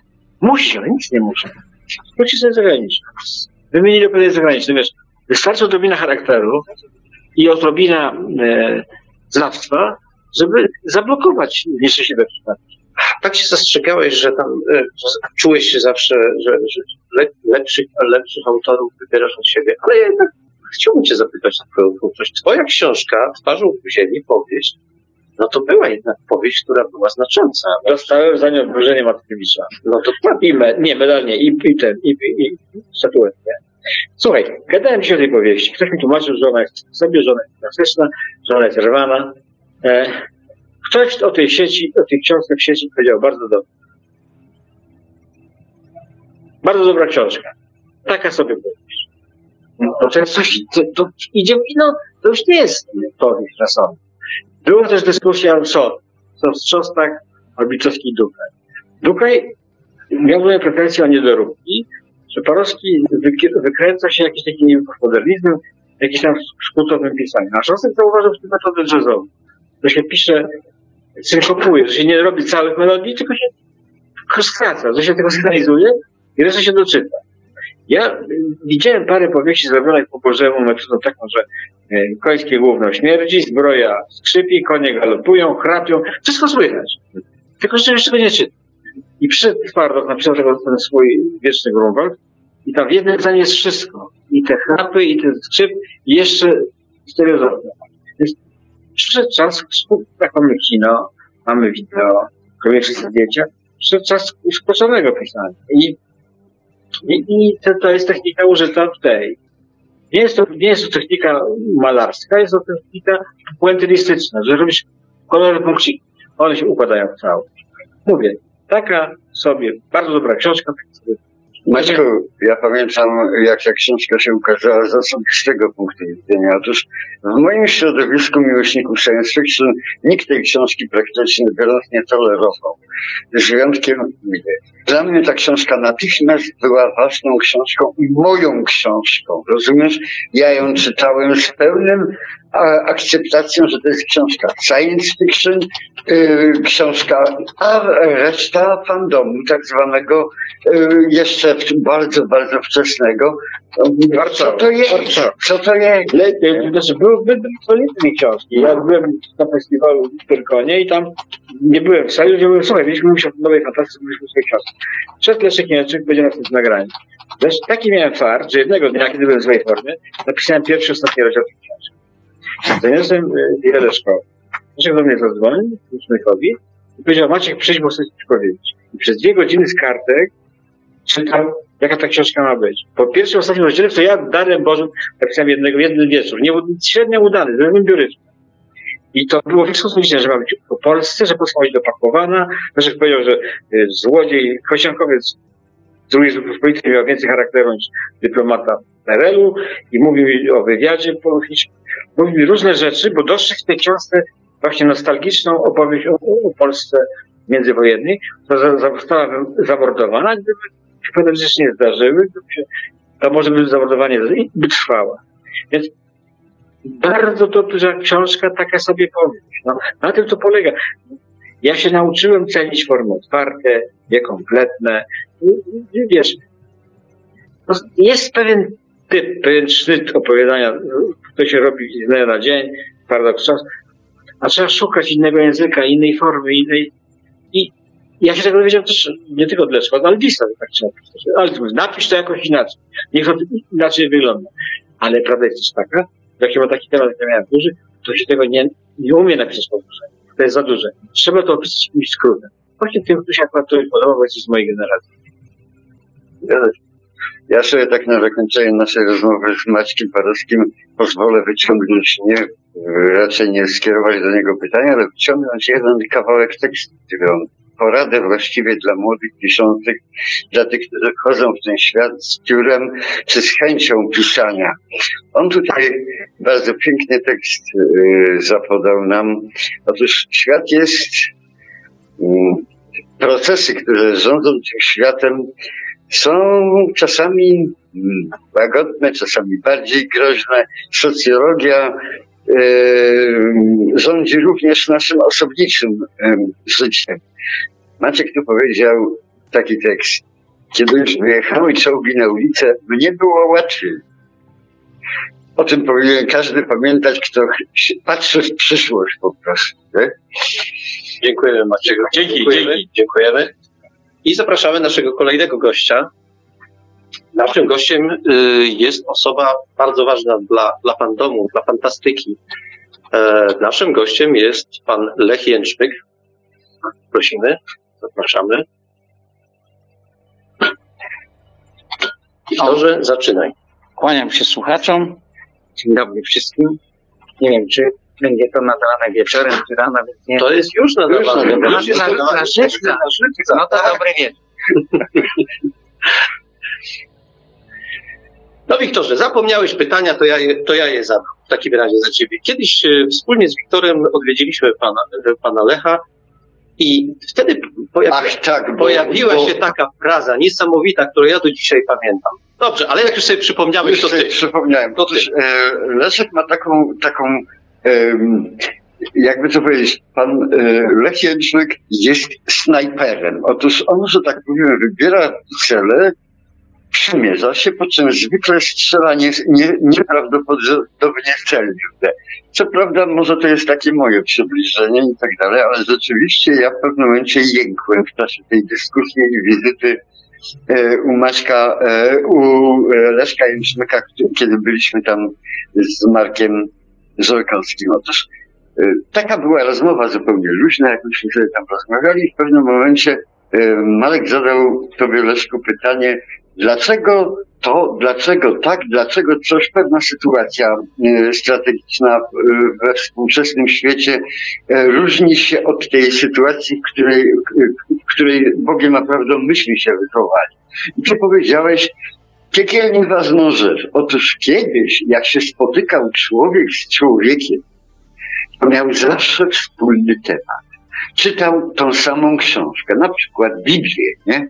Dzisiaj Każdy, każdy czyta jedną książkę inną niż sąsiad. Nie ma dwóch ludzi, którzy czytali. Trudno znaleźć dwóch ludzi, którzy czytali tę samą książkę. W związku z tym rozmowa się nie klei. Każdy ma ze swoją muzyką chodzić. Czyli co, to przekleństwo dobrobytu? Nie, różnorodności. Wtedy wychodziło dużo mniej książek, ale wychodziły w nakładzie co najmniej 30 tysięcy. A dzisiaj wychodzą w nakładzie 3 tysięcy. I to jeszcze połowa się sprzedaje. Czy to się da jakoś tak prosto rozstrzygnąć, że wtedy było lepiej, a teraz jest gorzej? Czy to takie proste recepty nie wchodzą w Nie wiem, ja się nad tym nie zastanawiam. Jest tak, jak jest i trzeba się w takiej sytuacji znaleźć. Trzeba być sobą w każdej sytuacji. Czy się jest w dżungli, czy na lodowcu. No to ja chciałbym zapytać, e, bo bardzo wielu autorów podkreśla, że na pewnym etapie swojego życia, swojej twórczości natrafiali właśnie na Pana. Że to Pan był tym dobrym duchem, który skłaniał do tego, żeby pisali, żeby w pewien określony sposób pisali. Przed chwilą nawet Maciej, Maciej Parowski o tym mówił. To chciałbym zapytać, no, to oczywiście jest pytanie takie, takie trochę, trochę o magię, ale jak się rozpoznaje autora o którym już się w tej pierwszej chwili prawie wie, że jest, że jest dobry, że powinien pisać. No musi mieć interesujący temat. Są ludzie, którzy mówią w sposób interesujący o czymkolwiek się ich spyta. Ale głównie to chodzi o to, że ktoś ma interesujący temat. No. Coś go interesuje w życiu i chce to rozwikłać w jakiś sposób. To jest wtedy interesujący pisarz typu science fiction. Ale do tematu do, dopiero, do opinii wynikającej z tematu trzeba dopiero dotrzeć, bo najpierw trzeba do, dotrzeć do istoty tam, tematu. A co powiesz na taką rzecz, którą ja dzisiaj sobie wędrując tutaj po deptaku naszego mm, festiwalu, e, z Markiem Oramusem rozmawialiśmy sobie, ja powiedziałem, że ja bardzo często mam taką reakcję, że dostaję jakiś tekst młodych ludzi, w tej chwili piszą, czytam 3, 4, 5 zdań ja od razu wiem, że ten facet czy ta dziewczyna będzie pisać. Bo bez tematu, bez istoty rzeczy, tylko po samej składni, po, Właściwie właściwie, albo, albo temat, albo język. albo je. To jest właśnie to, no pięć zdań, to wystarcza. No. Z tym, że ja przeczytałem pewnie tysiące książek, Tak. żeby wybrać setki do wydania, bo wydałem setki. E, to często tak, czytałem 10 stron, nie bardzo mi to szło, to jeszcze parę stron ze środka i parę stron na zakończenie, nic nie złapało, no to dziękuję, rezygnuję. Natomiast to autor musi złapać czytelnika na, na, na pierwszych 10 stronach. Ja przepraszam na chwileczkę, tak targany trochę niepokojem, bo to studio jest takie jednak zaimprowizo- za- zaimprowizowane. Marku, czy nas Słychać, słychać. Bardzo Dobrze, dobrze. dziękujemy. To możemy, możemy w takim razie kontynuować naszą rozmowę. No, ja powiem tak. y, Dla mnie pierwsze spotkanie z panem Lechem, takie dziecinne jeszcze, a może nie dziecinne, młodzieżowe, to było wtedy, kiedy ja dostałem po raz pierwszy w swoje ręce antologię Kroki w Nieznanym, przy której, przy której pan, no, no, pan ją stworzył tak naprawdę. No To był inny czas. To, była, to jest antologia. Ja znowu dzisiaj, dzisiaj w tej audycji jakoś tak mi się zrobiło, że nadużywam słowa kultowe, którego tak naprawdę nie znoszę. Ale to, no jak inaczej określić tę te, tę antologię, która, o, o której mówimy, czyli Kroki Nieznane. Ja pamiętam e, lata 80., w których, e, których na tak zwanych fantastycznych pchwich targach ta antologia, poszczególne jej tomy, e, wtedy to było, o ile dobrze pamiętam, sześć tomów, wyda, sześć tomów wydanych e, w latach 70., osiągała jakieś gigantyczne, gi- gigantyczne kwoty się płaciło za tą książkę. Do mnie one nie docierały. Natomiast kiedy, kiedy zaczynałem wydawać, kiedy miałem pomysł, żeby to wydawać, to praktycznie nie miałem konkurencji. Nie było w Polsce znawcy literatury fantastycznej, no Lembru, powiedzmy, znawcą, ale on by się nie, nie zajmował takim. E, raz mi wpadła w ręce jego antologia, napisałem nawet, którą przyrządził, napisałem do niej wstęp, ale w końcu jej wydawnictwo literackie nie wydało. Nie wiem, nie wiem dlaczego. E, no i to, tam były stare opowiadania, on najlepiej się orientował w tych starych, ale to były bardzo dobre opowiadania. Przecież lata powojenne zaraz e, i, i najbliższe, no 30 lat. To był złoty wiek fantastyki i złoty wiek opowiadania. Istniały wtedy czasopisma, e, miesięczniki poświęcone wyłącznie fantastyce. Było z czego wybierać. Ja miałem przed sobą 30-letni dorobek literatury. Czasopisma dostawałem bez, dzięki przyjacielowi ze Stanów bezpośrednio i dzięki temu nie miałem konkurencji. To było bardzo łatwo zrobić znakomite wybory i one były bardzo dobre. To dzisiaj z przyjemnością czytam tamte opowiadania, czasem sobie coś zerknę i przeczytam, ciągnie mnie. Gratnery, Sieki. Wiesz, co ja zrobiłem ostatnio? E, Nie mam wiadomości. E, Leżałem sobie u Sokołowskiego, bo byłem trochę chory, nie? I zobaczyłem u niego na półce wydanie e, Złotego Wieku amerykańskiej nowelistyki, po prostu tu zebrane przez Cedenikę, nie? Mhm. Noc była późna, a ja w nocy nie sypiam, że zdjąłem sobie i połknąłem trzy tomy tych, e, tych krótkich opowiadanek, nie? I muszę ci powiedzieć, że czapkę z góry. Jezu, jakie one są genialne. One wszystkie nie są doskonałe. Wszystkie można by było poprawić i, i tak dalej, ale to był rzeczywiście, ci ludzie pisali z nieprawdopodobną wizjonerstwem, z energią. Po prostu to było coś cudownego. Oni dyskutowali między sobą. Raz to był taki czas, że fantastyka się rodziła i wszystko było nowe. Każdy No pisał po raz pierwszy. Przez te powiedzmy 30 lat większość tematów została poruszona, jeżeli nie wykorzystana czy zajeżdżona, prawda?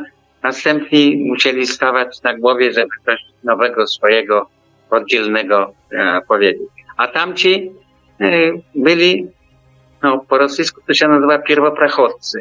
Ci, którzy torują drogę, idą pierwsi przez nieznany teren. I dlatego to było takie fascynujące, interesujące. Ja chciałbym zapytać o to, ponieważ e, w Pana w tych drogach nieznane, pojawiały się opowiadania oczywiście Amerykanów, ale pojawiały się również opowiadania rosyjskie. I to jest tak, że to był taki czas, ja, ja, go, ja go jeszcze pamiętam, kiedy jak młodzi dostawali, dostawali do, do ręki tę antologię, to najpierw czytali oczywiście Amerykanów, te wszystkie przekłady anglojęzyczne. A później z pewną niechęcią sięgali po, po, język, po język, po opowiadania powstałe w języku zaborcy. Okazywało się, że w, tym, w tych tomach kroki, niezna, kroki nieznane były również świetne opowiadania autorów za wschodniej granicy. No tak, ja byłem wtedy, prawdę powiedziawszy, e, kierownikiem redakcji literatur słowiańskich. Więc e, oczywiście te rosyjskie miałem bardzo dużo pod ręką i one mi były bliższe.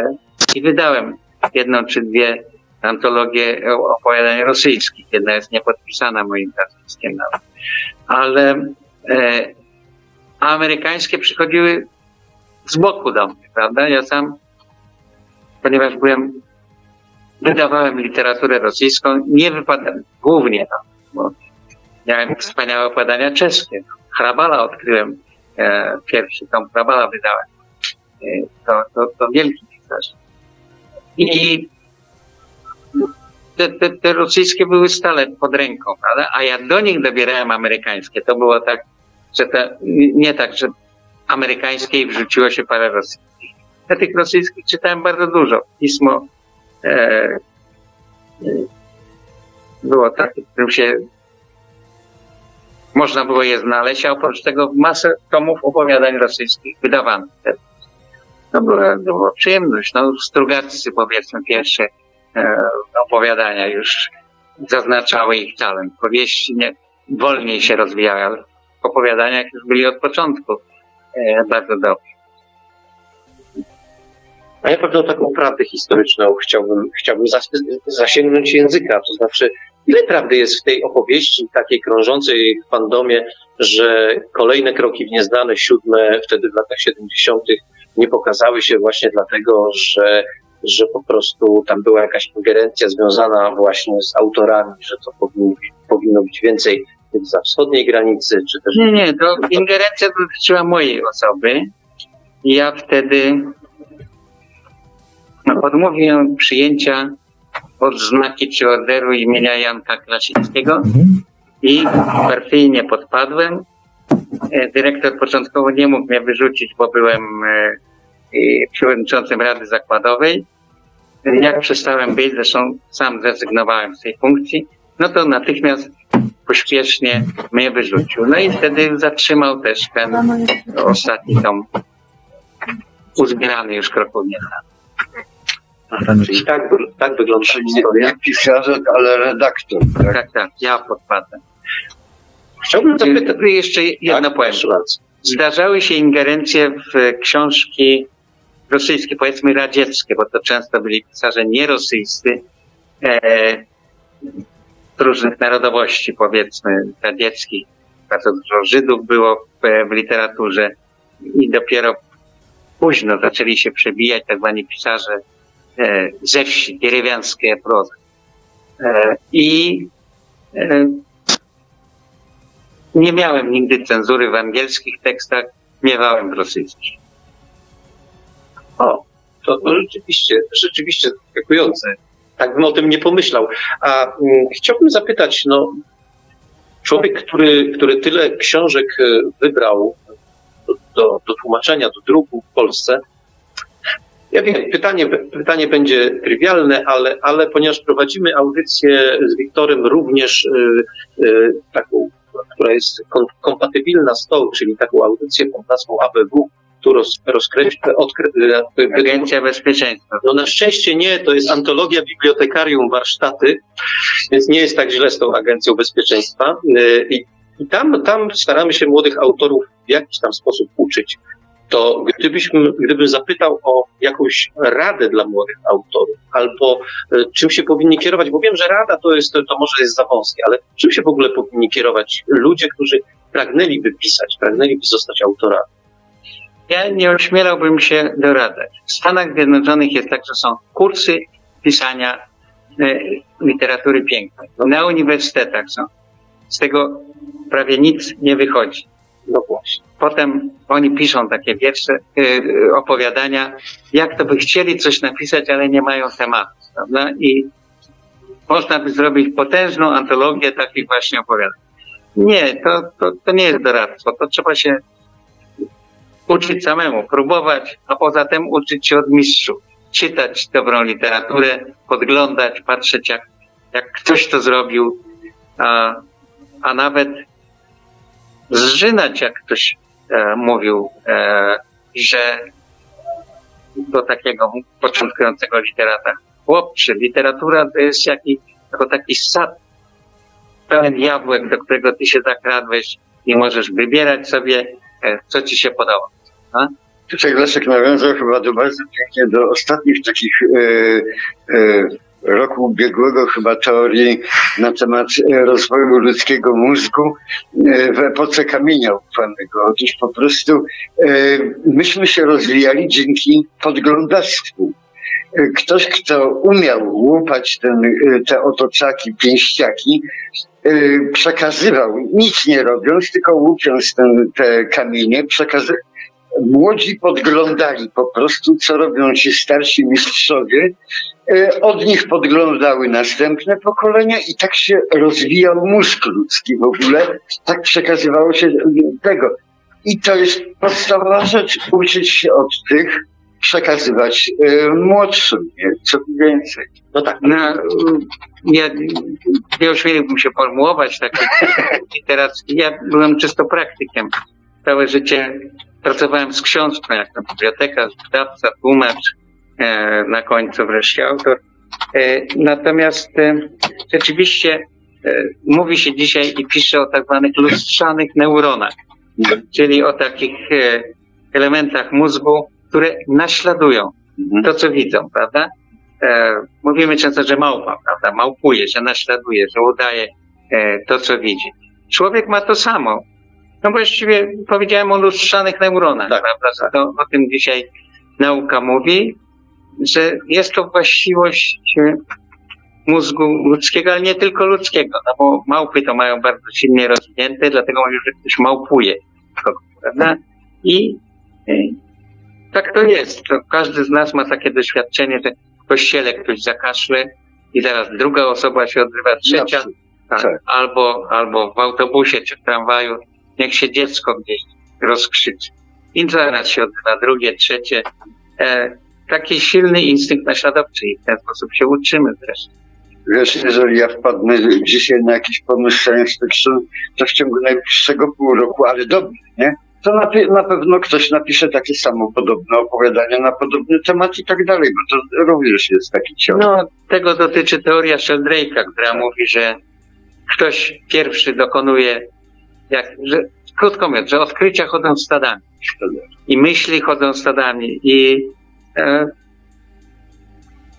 to czasami na bardzo, on, twierdzi, że to działa w skali ziemskiej, jest takie e, Pole. pole, prawda? E, I, i mm, bardzo możliwe, ja mam skłonność, żeby się przychylać do tego, że może tak właśnie jest. Dlatego, pod- dlatego e, rekordem jest jakiś wynalazek, który w ciągu jednego roku sześciu ludzi wynalazło jednocześnie. Ale dwa, trzy to jest pytał. Panie Lechu, pan w pewnym momencie y, powiedział o, o, o swojej, o, o- tym, że sporo pan, sporo pan tłumaczył. Ja tylko wszystkich zainteresowanych odsyłam, odsyłam do internetu. E, dzięki panu Lechowi naprawdę pojawiły się na polskim rynku wydawniczym dzieła, dzieła które, które, o których, o, o których trudno, trudno zapomnieć. No, Vonnegut chociaż, Vonnegut chociaż. Tak, to było wówczas odkrycie światowe. Tak, ale chciałbym zapytać o to, no bo ja pamiętam, jak po Bydgoszczy biegali wszyscy w miarę intelektualnie, e, in- intelektualnie rozwinięci ludzie i mówili śniadanie mistrzów, śniadanie mistrzów, śniadanie mistrzów. To było, po, po prostu wszyscy to czytali. No tak, Ale właśnie, właśnie chciałbym o to zapytać, bo y, bycie tłumaczem to też jest po części bycie pisarzem. Trzeba, oczywiście ma się pewien tekst, ma się tekst przewodni, ale czasami, y, no przecież bywa tak, że tłumaczenie jest lepsze od oryginału. Czyżby? No, więcej zawdzięcza oryginałowi, bo tam jest pomysł i jego opracowanie, a sam wyraz słowny może być rzeczywiście czasami e, lepszy. Ja nie, nie, nie pamiętam, żeby kogoś poprawił. No może takie drugorzędne rzeczy jak e, e, powieść taką o, o, o tych, co by było, gdyby Niemcy wygrały wojnę i tam była historia angielska, to były, było zabawne i było napisane taką, angielszczyzna się bardzo zestarzała. Angielszczyznę drugorzędną z czasów bezpośrednio powojennych czy wojennych bardzo trudno jest e, tłumaczyć. Natomiast amerykański, no to był język potoczny, już e, nie było takiego kłopotu, prawda? Brentwood, potem Heller, Tak, Bardzo- 22. bardzo cenną. Powiedzmy o tym od razu.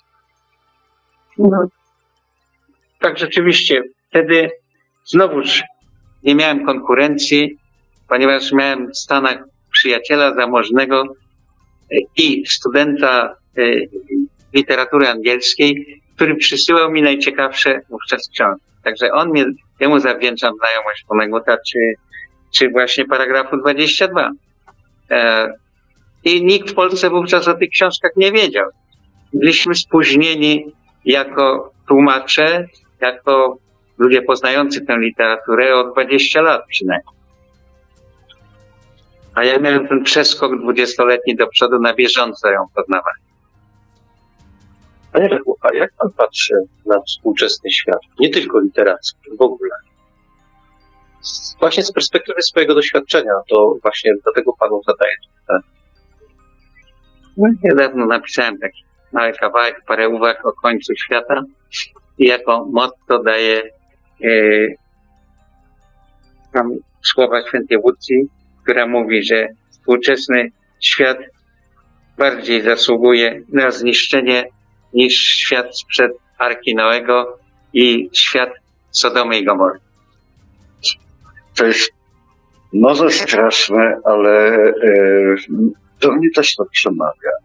Też mam taki, taki jest, e, no jest to właściwie na krawędzi wszystkiego powiedzenia, ale, ale coś w tym niestety jest. My, my jak oszala, oszaleni e, pędzimy e, gdzieś właściwie jak telemingi, które, które, No, człowiek w ogóle jest tak skonstruowany, e, Pan w taki sposób stworzył, że człowiek podróżuje przez czas, siedząc tyłem do kierunku jazdy. Prawda? Nie widzi tego, co się wydarzy za godzinę, za dwa dni, za tydzień. Natomiast e, może oglądać to, co się już wydarzyło. Prawda? I to jest taka ciekawa konstrukcja właśnie świata specjalnie dla nas stworzonego. Widocznie to sprzyja doświadczeniu, które jest potrzebne, żeby wyprodukować z tego tłumu ludzi e, parę procent aniołów. A propos produkcji tych ludzi, to ja e, uświadomię naszym słuchaczom jeden taką rzecz. Wyobraźcie sobie, sobie wyobrażacie, jesteście zwykle młodymi ludźmi, którzy siedzą w internecie, mają na bieżąco dostęp do wszelkich informacji tego, z tego świata, no dajmy na to, E, również do, możecie Również zobaczyć, do wszystkich kłamstw. tak, i do wszystkich do praw, i do wszystkich kłamstw. I możecie również zobaczyć, co pan Leszek Jęczmyk w życiu dokonał. Natomiast ja wam opowiem, jak to praktycznie wy wyglądało w skrócie. Jako jego przyjaciel taki wielo, wieloletni oglądałem wiele razy, jak on pracował nad tym swoim ogromnym dorobkiem, który wykonał. Zwykle robił to w kuchni, zakładał nogę na nogę, kładł na nodze zeszyt, zwykły zeszyt, obok na stole kładł książkę, brał długopis czy ołówek w rękę i tłumaczył poprzez. Bez żadnego komputera, nawet bez maszyny do pisania, po prostu w zeszycie, ręcznie to robił. Trochę zalałem, bo nogi do tego nie mieszałem. Miałem to, siedziałem na tapczanie, z tobą miałem stół pracowałem dopóki się nie, nie zwaliłem, nie zasnąłem. Dziękujemy. Dziękujemy bardzo. Ja dziękuję. Do widzenia Państwu. Dziękujemy. Do usłyszenia. Do usłyszenia. Do usłyszenia. I zapraszamy, zapraszamy naszego kolejnego gościa. To dla naszych, to dla naszych słuchaczy jest niespodzianka. Kolejna niespodzianka dzisiaj, bo całkiem niedawno, całkiem niedawno rozmawialiśmy o książce Marka Kuperata, których tytułu zawsze, zawsze jak mam powiedzieć ten tytuł, to zawsze, zawsze, zawsze się wstrzymuję, bo zawsze wiem, że, że, błąd że błąd popełnię, zatem oddam e, głos autorowi. Jak się tak, jaki książka, jaki ta książka nosi tytuł? No, dziękuję Państwu. Dzień dobry, chciałem się przywitać najpierw. No, mówić do Państwa. E, Książka ma na tytuł, tytuł Natran Aurejo. Ileż razy się zaciąłem w czasie audycji. Płowienisty orzeł. To właśnie to pamiętałem. Gorzej było, No, gorzej tak było z zwyczajnie. Gorzej było W z ludzkim języku, a nie w tym dialekcie z Doliny. Tak, no i to jest właśnie, to jest właśnie to, to jest ta nasza niespodzianka, ponieważ y, całą audycję poświęciliśmy książce, a teraz mamy, teraz mamy autora, autora tej książki, nie tylko zresztą tej książki, e, mamy u siebie w studio. Zaimprowizowanym, bo zaimprowizowanym, ale, jed, ale jed, jest. No to cóż, e, dlaczego, dlaczego Marek Huberat tak mało pisze? Bo to jest jedno z prawdziwych pytań, które dostaliśmy, dostaliśmy mailowo. Ja to oczywiście nie wiem dlaczego. Może dlatego, że próbuję połączyć dwie kariery. To znaczy nie tylko piszę, ale mam swoją profesję. Zajmuję się nauką. Jestem fizykiem nagranicy biologii. Czyli wszyscy ci, którzy do nas pisali e, w sprawie, żeby coś zrobić, żeby Marek e, Huberat pisał więcej, no raczej, raczej nie, znaczy to, to się raczej nie uda. O tak to Ale jest to bardzo możliwe. Trzeba zrobić naprawdę złą ustawę o nauce i szkolnictwie wyższym, która Aha. rozwali polską naukę. I wtedy, i wtedy, wtedy będziemy mieli pisarza do swojej dyspozycji. No jeszcze jest I całą resztę szansa. kadry naukowej, tak bezrobotnej. Ale, ale jest, to jest jeszcze jedna szansa. Jeszcze jakbyśmy ci dali emeryturę szybko w miarę, to, No i to, to wtedy byś miał czas. wiesz co, nie chcę iść na emeryturę. Oczywiście, że jak będzie emerytura, to mnie przemocą wyślą. Chyba profesorowie są jedynymi, którzy muszą iść na emeryturę w wieku 70 lat. Natomiast y, szczerze ci powiem, że to byłaby dezercja. No bo ja w tym momencie mam piątkę doktorantów, to znaczy ludzie, którzy, ludzi, którzy pracują pod moim kierunkiem.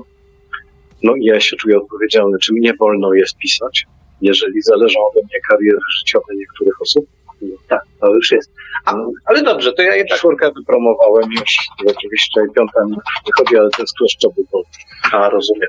Czyli, czyli jeszcze potrwa trochę. Jeszcze trochę potrwa. To znaczy nie, no ta dziewczyna już jest do trzech miesięcy, że będzie. Nie, no to błyskawicznie, to, to już będzie szybko. Ale ja znowu słuchacze nie, nie, nie patrzyliby, gdybym tego pytania nie zadał. To czy- na żywca, czy ty Tak, to z idzie- tego i zostanie 5 Nie, sekund? nie, nie. Idzie na, idzie na żywca. To, nie, to niestety albo stety, ale, ale wszystko, wszystko zostaje. E, czy Marek Huber coś pisze w tej chwili fantastyczno-naukowego albo fantastycznego, albo w ogóle czy coś pisze? Znaczy, Beletrystyka. no skończyłem etap y, roboty, to znaczy skończyłem dokumentację, którą tam będę wysyłał. Zobaczymy, jak to pójdzie i właściwie odblokowałem się po 6 latach milczenia. Natomiast y, słuchaliście mojej relacji dzisiaj z wyprawy na Antarktydę, no to tam siedziałem i pracowałem nad drugą podobizną Belawaszczy. Chciałbym, jeśli będzie ktoś chciał wydać, wydać ją wersji 280 stanicową. Do tej pory była 135 stron. Rozumiem, bo y, mamy autora, który nie pisze szybko. To tak, takie teraz modne, żeby powieść ukończyć dwa miesiące, trzy miesiące. Już y, kiedy mówiliśmy o feministym Orle, to, to, to już podkreślaliśmy, że pisanie tej powieści było rozłożone na wiele, wiele lat. Naście, o ile dobrze, pam- dobrze pamiętam. Naście? Tak, naście. Od 90, 90 latach była zaczęta. to jednak, jeżeli chcesz pisać coś, co warto czytać, co ktoś jakoś możesz e, pragnąć, żeby ktoś chciał przeczytać, tam musisz mieć dystans I takie pisanie spod sztancy to troszkę jakoś jest dalekie, nie wiesz? No, E, ale, no tak, ale My właśnie chętnie, chętnie do tego nawiązujemy, ponieważ e, e, tak jak już to dzisiaj mówiliśmy przynajmniej raz, e, prowadzimy też e, co drugi tydzień, zamiennie z tą audycją, prowadzimy audycję taką poradniczą, nazywa się Groźnie, bo ABW, e, Antologia Bibliotekarium Warsztaty. I tam no, niektórzy autorzy, którzy do nas pis- przysyłają opowiadania, które są później czytane na antenie, y, to zdają się wyznawać taką zasadę, piszmy jak najwięcej w jak najkrótszym czasie. I to jakby y, to pytanie stąd się wzięło, że, że może nie zawsze należy się taką filozofią pisania kierować. No wiesz, trudno mi oceniać, natomiast mogę ci powiedzieć tylko za siebie. To znaczy staram się pisać tak, jak bym chciał, żeby moje książki były stawiane jeszcze 50 lat po mojej śmierci. Nie uwagę, że napiszę.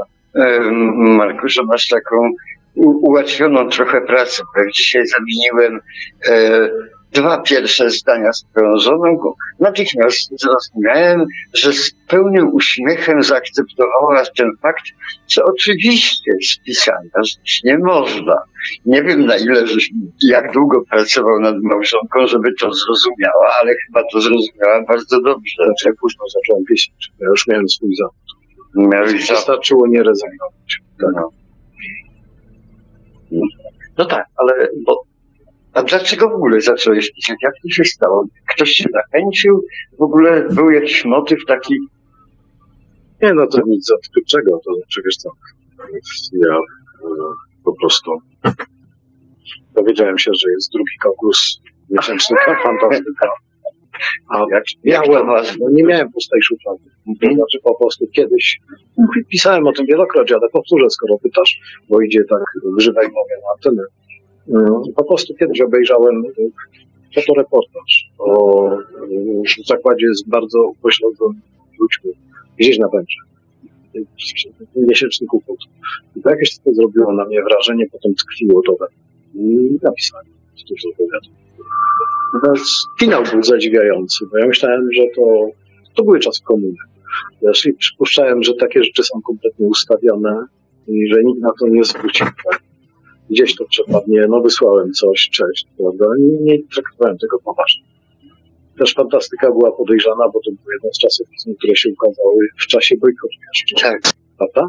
Tak. I człowiek nie był pewny, czy można ich czytać. Okazało się, że oczywiście są fajni, Tak. że można ich czytać, to są uczciwi ludzie, którzy Tak. skorzystali z okazji i przebili się.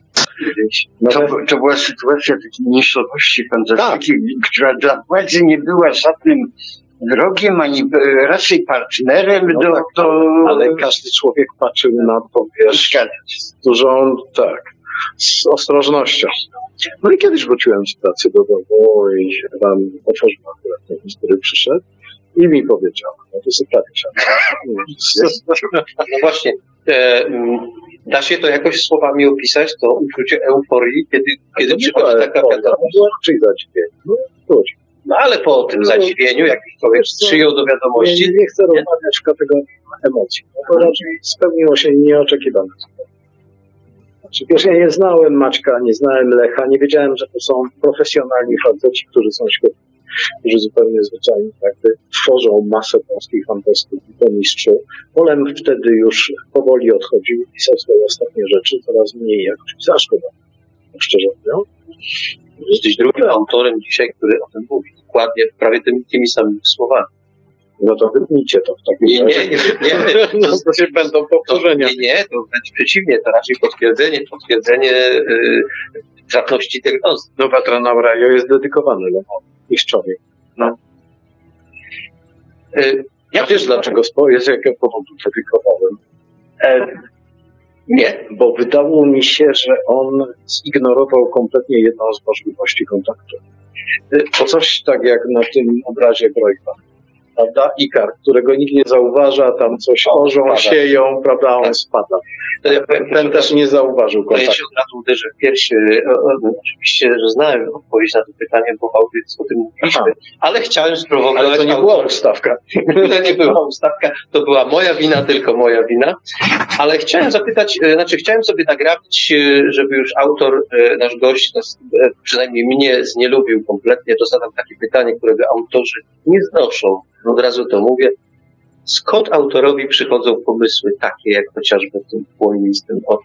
Jak to, się, jak to się dzieje, że w pewnym momencie te, taka idea się pojawia, takiej planety, takiej odciętej społeczności? Myślałem, że pytanie jest ogólne. Skąd autor bierze pomysł? Nie, nie, Bo mam znaczy- gotową odpowiedź, którą każdy z kolegów zadaje. Z głowy to znaczy zniszczenie.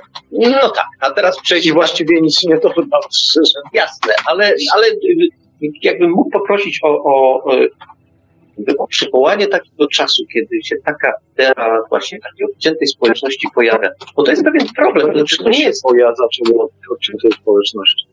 Może odcięta społeczność była domyślana do tego, do zamierzenia innego. To od czego się zaczęło? Od chyba snu Hubera Tatej, której się coś przyśniło, które ona tego teraz nie pamięta już. Ja za bardzo tego snu też nie pamiętam. Natomiast wydaje mi się, że to było takim kośćcem, to znaczy od tego się zaczęło budowanie całej opowieści. Czyli sny, wbrew pozorom, znaczy te narodziny zmartwych ludzi, tak.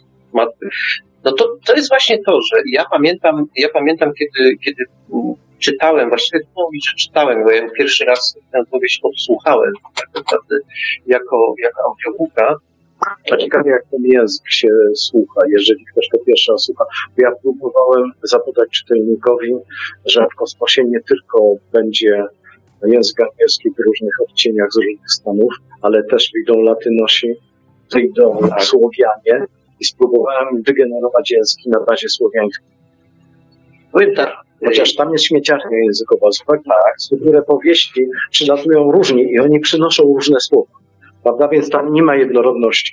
W opowiadaniach jest jednorodność z tego świata. Następny tom. Tak. Natomiast w samej powieści nie ma tej jednorodności. Ale myśl właśnie była taka. Jak będą ewoluować język?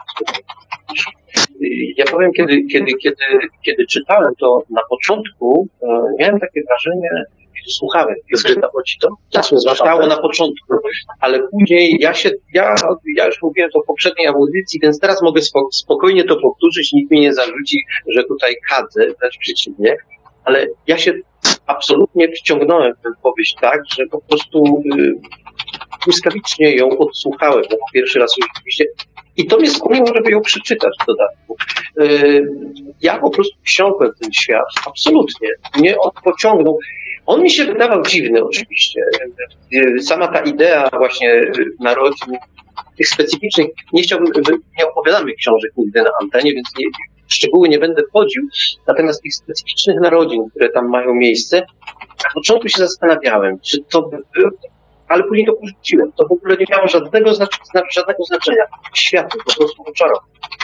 I to jest, myślę, chyba ta największa umiejętność każdego pisarza, żeby tak pociągnąć za sobą czytelnika. Ja się dałem. Dobrze się to nagrywa, to będą słyszeć wszyscy. Będą, będą, będą. To kontynuuj. Nie, tylko, że będą słyszeć, tylko słyszą po prostu. tak jest. E, Otóż e, ja miałem też takie, takie dziwne wrażenie, Marku, jak żeś wspomniał o tych, tego, o, do tej, tego twojego językoznawstwa słowiańskiego. Ja z pewnym zachwytem zauwa- zauważyłem, że, że ty, używając serbskiego, chorwackiego czy jakiegokolwiek języka, właściwie niczego tam nie trzeba dodawać i to jest w pełni zrozumiałe. Dźwięcznie. Tak, to jest w pełni zrozumiałe w każdej chwili. Dalej, później, kiedy przechodzisz nie do słowiańskich, kiedy używasz Hiszpanów czy Portugalczyków, również jest to wszystko zrozumiałe, jest to wszystko naprawdę na, na łacinie em, się opiera na, na naszym wspólnym rydze pochodnych języka. Natomiast co do całości literackiej tych, tych twoich opowieści, to ja muszę ci powiedzieć, że ja jestem absolutnie pełen zachwytu z jednego może powodu. Jest wiele literatury, którą można czytać i się zachwycać, nie? Natomiast y, po większości literatury y, przepływa się jednak z pewnym poczuciem y, świadomości świata y, rzeczywistego, że no mamy dzisiaj godzina ósma wieczorem, jest tam, jest noc, trzy- 18 mm, grudnia albo którykolwiek inny tam, no jakieś. No, ma, tak, ma, to interesowało i to, że jest y, 15 dzień czerwca 15 dzień 2018. no właśnie, no zwykle mamy takie, mamy poczucie tego wszystkiego. Otóż w twojej książki można utopić po prostu w twoich książkach. Traci się kontakt w ogóle z jakąkolwiek realnością, bo się wszystko staje tak wiarygodne w sztafarzu, w tej obudowie tego, co ty żeś tam y, y, wygooglał y, w środku. Jak to wygooglał? Z siebie po Wiedzy prostu. nie ma, prawdziwej wiedzy w internecie nie ma, no nie czarujmy się przecież. To ja wiem, nie. To są szkodzidełka dla ludożerców. Zgadza się, ale Nic się więcej nie dowiesz tam na moje ulubione słowo wygooglanie to nie, nie ma z Googlem nic wspólnego, ale z Googlaniem. Yy, To jest taki polski Szukaniem w głowie. Tak, tak, no, dokładnie. Tak. Trzeba coś mieć powiedzieć. A no dokładnie, bo to jest ten Nie problem, to jest, to jest ten problem, że dzisiaj, e, że przez jakiś czas mawiano, mawiano młodzieży, że po co się czegokolwiek uczyć, wszystko jest w internecie. Problem polega na tym, ja to już kiedyś mówiłem, że, że żeby, wiesz? tak, ale to problem jeszcze polega na tym, że żeby czegoś szukać w internecie, to trzeba wiedzieć, czego szukać. Trzeba ma. wiedzieć, ale jeśli nawet by było, to trzeba by wiedzieć, czego szukać. Dobrze. E, Trzeba wiedzieć, czego się nie wie, żeby, żeby czegoś szukać w ogóle. Skoro ma się to takie ulotne, ulotne, e, ulotne przekonanie, że się e, właściwie wszelka wiedza jest dostępna tuż obok, no to wtedy właśnie pojawia się coś takiego, jak się w tej chwili pojawia. Czyli A może, a może nasza współczesna cywilizacja chce wychować młodzież wszystkich na Sokratesów, żeby zadawać pytania. Tak, tak, to z pewnością, z pewnością. Ja powiem tak, ja mam tak, zacznę opowiadać po kolei. To znaczy, na sekretosów to chyba nie chcę wychować, dlatego, zaraz ci przybliżę, dlatego, że w nocy i szkolnictwie wyższym jest presja na liczebność grup studenckich. Musi być przynajmniej sześć osób w grupie. A Sokrates przez całą swoją karierę miał tylko jednego dobrego studenta. On się nazywał Platon. Platon też przez całą swoją karierę miał jednego dobrego studenta. On się nazywał Arystotelem przecież. Także to nie, nie chcę tego zrobić cywilizacja. Raczej podejrzewam, że chce nas wychować na pracowitych niewolników, którzy zmarnują swój czas, który mu się niby daje do wykorzystania, kiedy on może zrobić karierę. Bo tak naprawdę społeczeństwo jest fajnie ułożone.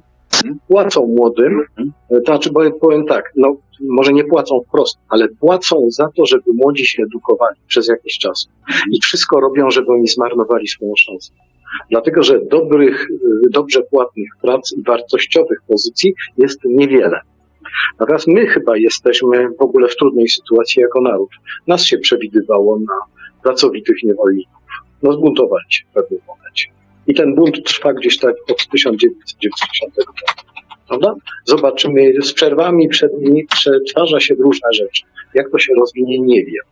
Natomiast nie jest tak, jak mówiłeś. To nie ma tu nic szczytnego. Ja, ja to. Dobre miejsca są zarezerwowane. Wiem o czym, czy oczywiście. Dla innych. No.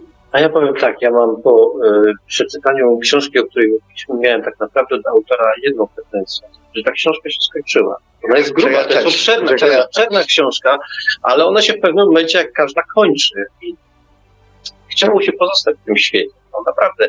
Fakt, że później są, są jeszcze opowiadania, które można z tym światem jakoś powiązać, to prawda. Ale taki, ja do tego to stopnia... wcześniejsze, bo tamte opowiadania ale do tego stopnia zwariowałem na punkcie tej książki, że ja pamiętam na przykład, jak niektóre sceny, na jakiej autostradzie jechałem, jak słuchałem tej książki. Ja pamiętam, jak jechałem w nocy, w nocy z Warszawy do Bydgoszczy no i, i tak dalej, i tak dalej. To świadczy o tym, że gdzieś tam to zostało tak bardzo mocno i że ta książka no, jakoś, jakoś mnie poruszyła. No, była to książka jedna z tych, które się pamięta. Ty jechałeś i odsłuchiwałeś, ale ja pamiętam, że, że się nie rozbiłeś. Ja ją czytałem w nocy. I po prostu pamiętam ten straszny żal, bo ja ten żal przeży, przeżyłem kilka razy tylko w życiu. Przede wszystkim przeżyłem ten żal przy, przy głosie Pana, przy niezwyciężonym Stanisława Lema i, i przy tych książkach też przeżyłem straszny żal, że on się skończył. Nie bałem leżałem usypanej, szarej, usypanej z popiołu, jak no. nie odtwarzali z mózgu no. tych zmarłych. No. Oczywiście, no. ale byłem takim malutkim kuberatem. Miałem jeszcze tam, nie wiem, 12 lat czy z 11. Ja tylko, ja tylko powiem, ja tylko jeszcze powiem jedno, że ta książka, to można, można powiedzieć, że, że my tutaj w tej chwili kadzimy autorowi, ale prawda jest taka, że myśmy tę książkę y, czytali, czytali, ona została nam polecona, polecona przez Andrzeja Zimniaka. No i tak mówimy sobie z Wiktorem, no dobra, to przeczytamy tę książkę. Jak za, mamy zadaną lekturę, to, to ją przeczytamy. Dostaliśmy zadaną lekturę. I powiem, że bez entuzjazmu rusza jeszcze, takie, jeszcze, tak, jeszcze taka gruba książka. No tak, ale to tak, tak, tak w życiu bywa, że jak się coś zaczyna bez entuzjazmu, to się bardzo często kończy z nadmiernym entuzjazmem. W ogóle dobrze zilustrowane. Znaczy Marta, Marta Blachura, która ją rysowała, miała dobry okres. Bardzo ładnie ją narysowała. To prawda. Właśnie, w wywiadzie, bo my w audycji, którą, prowadziliśmy na temat książki, e, przytaczaliśmy wywiad, który jest dostępny w internecie, mm, we fragmentach, e, w którym właśnie była mowa o tym, że jesteś zwolennikiem tego, żeby książki ilustrować. Tak. Jakbyś zechciał powtórzyć jeszcze dlaczego? Mhm. Znaczy, w mojej ocenie, wiesz, porównując z młodym puberatem, który tam zaczynał czytać, no młody czytelnik nie ma wyobraźni. Ma po prostu szczątkowo, jeszcze nie rozwinę to.